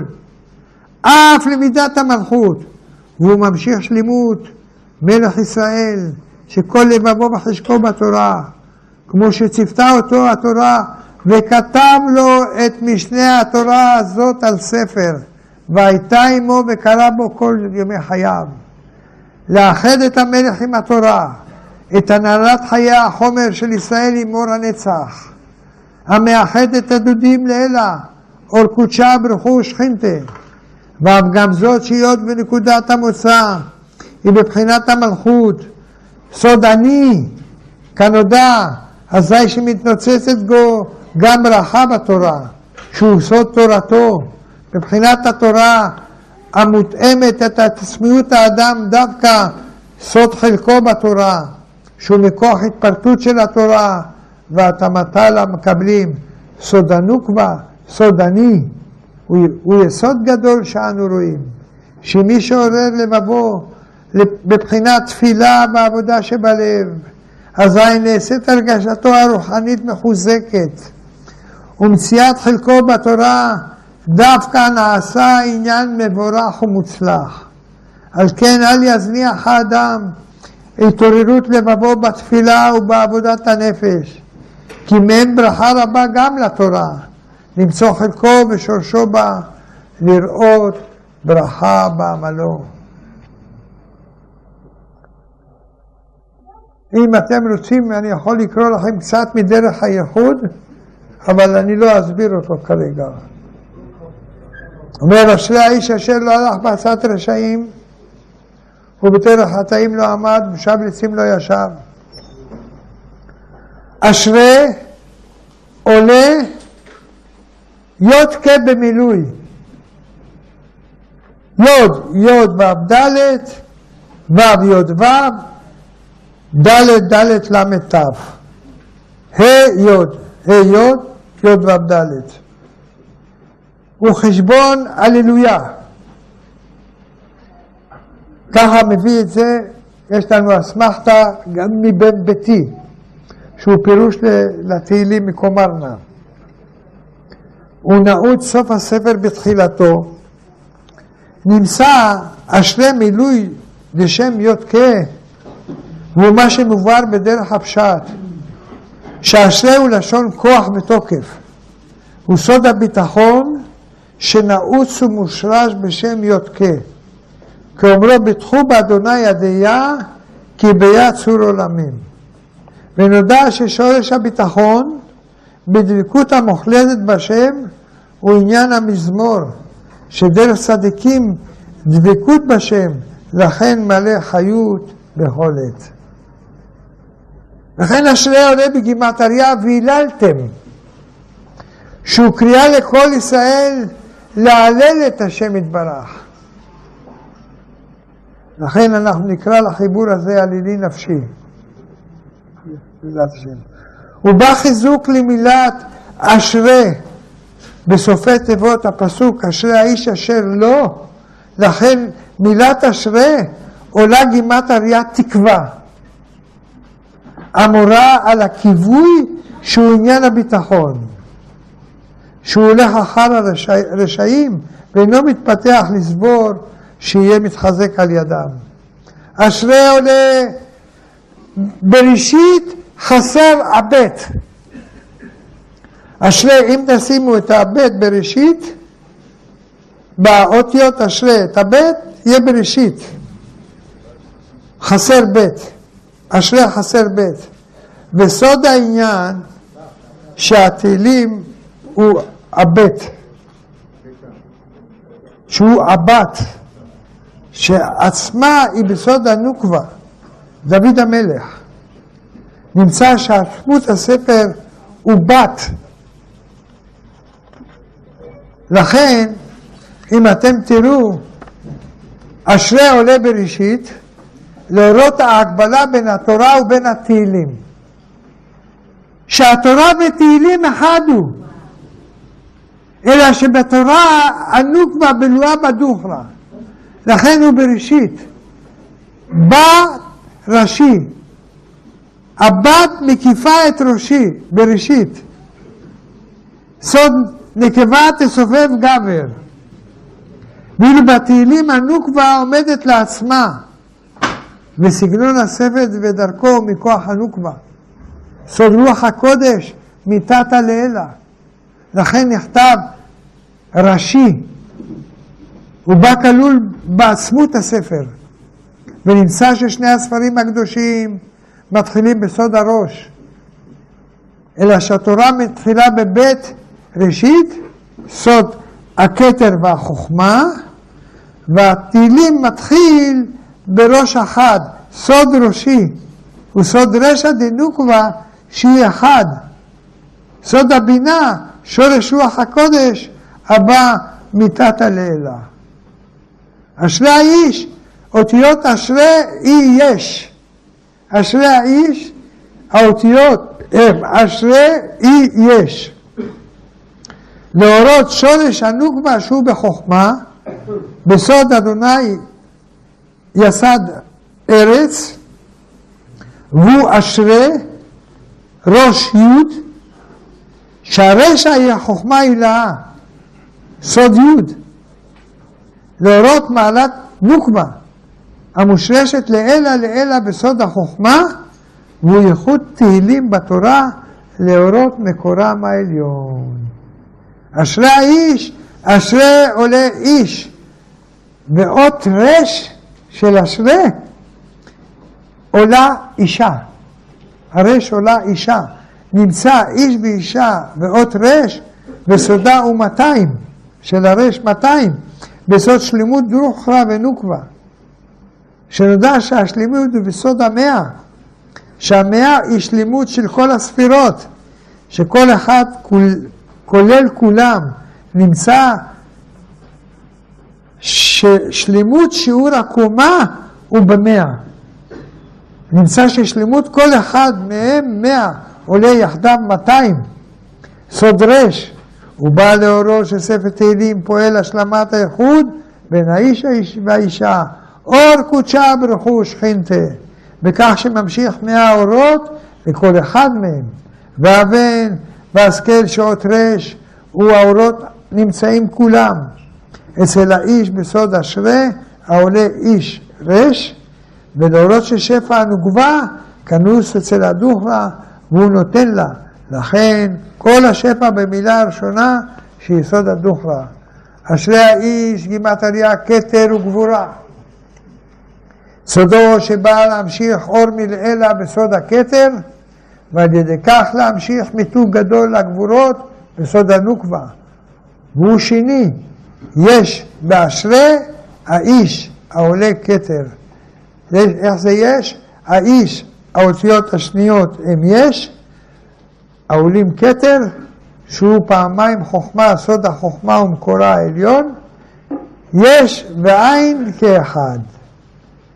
ממשיך את שורש הגבורה, שהוא לעילה בכתר כנודע בסוד הדיקנה, שעיקר עבודת האדם בעולם בסוד הגבורה, שצריך ללחום נגד היצר והפיתויים, כמו שמבאר במזמור, שמתגבר לא ללכת אחר כל מיני הקליפוע שבעולם. לכן יש באשרי האיש את מידת הגבורה, אולם בא עמו סוד הכתר, שהוא שפע האלוהות העוזר לאדם במלחמת היצר. בסוד שורש האדם נעוץ לעילא באלוהות, ובכך מקבל כוחות עצומים למלחמה ביצר. כי אם שורש השורשים הדק של הקליבה הוא בסוד ראשית, כאומרו ראשית גויים עמלק, שהוא סוד החוכמה דקליפה. הנה עולה האדם לעילא בסוד, פעם, פעמיים יש, סוד הכתר, שבו אין זה לעומת זה, על ידי כן מפילו למטה. הנה כאומרו אם תעלה לשמיים ובין כוכבים כי הנך, שסבור שיש בו ראשית סוד עשיו שהוא הבכור, משם הורידך. וסוד כוח הכתר, שמוריד את עמלק למטה, כי יעקב נעוץ בכתר. לכן, אשרי האיש עולה שאיש אריה, היינו שיהיה איש לאריה, כאומרו הווה עסקן המר בקרקע נשת וגיבור כארי, שהוא הדרוש לאדם בעולם הזה, לכן אשרי האיש הוא שאיש אריה, היינו שאיש נעשה אריה, בסוד הגבורה, בסוד ריו, כידוע שאמרתי לכם. הנה מכאן אנחנו לומדים דברים עליונים ונשגבים מאוד על ספר תהילים, להבין ולהשכיל לראות את כל חיינו בטוב ממש, להבין שכל הרע וכל הקושי הוא מעטפה חיצונית ממש בשביל טוב עליון שהולך ושומח. וכדי שייוולד צריכו למסעים חיצוניים הדוחקים, שהוא סוד הקשיים, כמו צירי לידה של דברים טובים. על כן יש להגביר לב באמונה שהכל טוב, ולשמוח בתקבולת ביטחון בשם, לחזק עצמנו, ללמוד תורה ופנימיות התורה בכלל, כי חיינו ממנה מביטים אנו לראות הכל טוב ממש, ועל ידי כך מהרה יגלו לנו פירות הטוב שצמחו מכל שנות גלות בסבל ישראל, ויהפכו כל הצרות לשמחות, וכל אויבינו יבולעו ויתבוטלו ברוממות קרן ישראל בגאולת עולמים, בביאת משיח צדקנו וביאה נחלנו במהרה בימינו, אמן.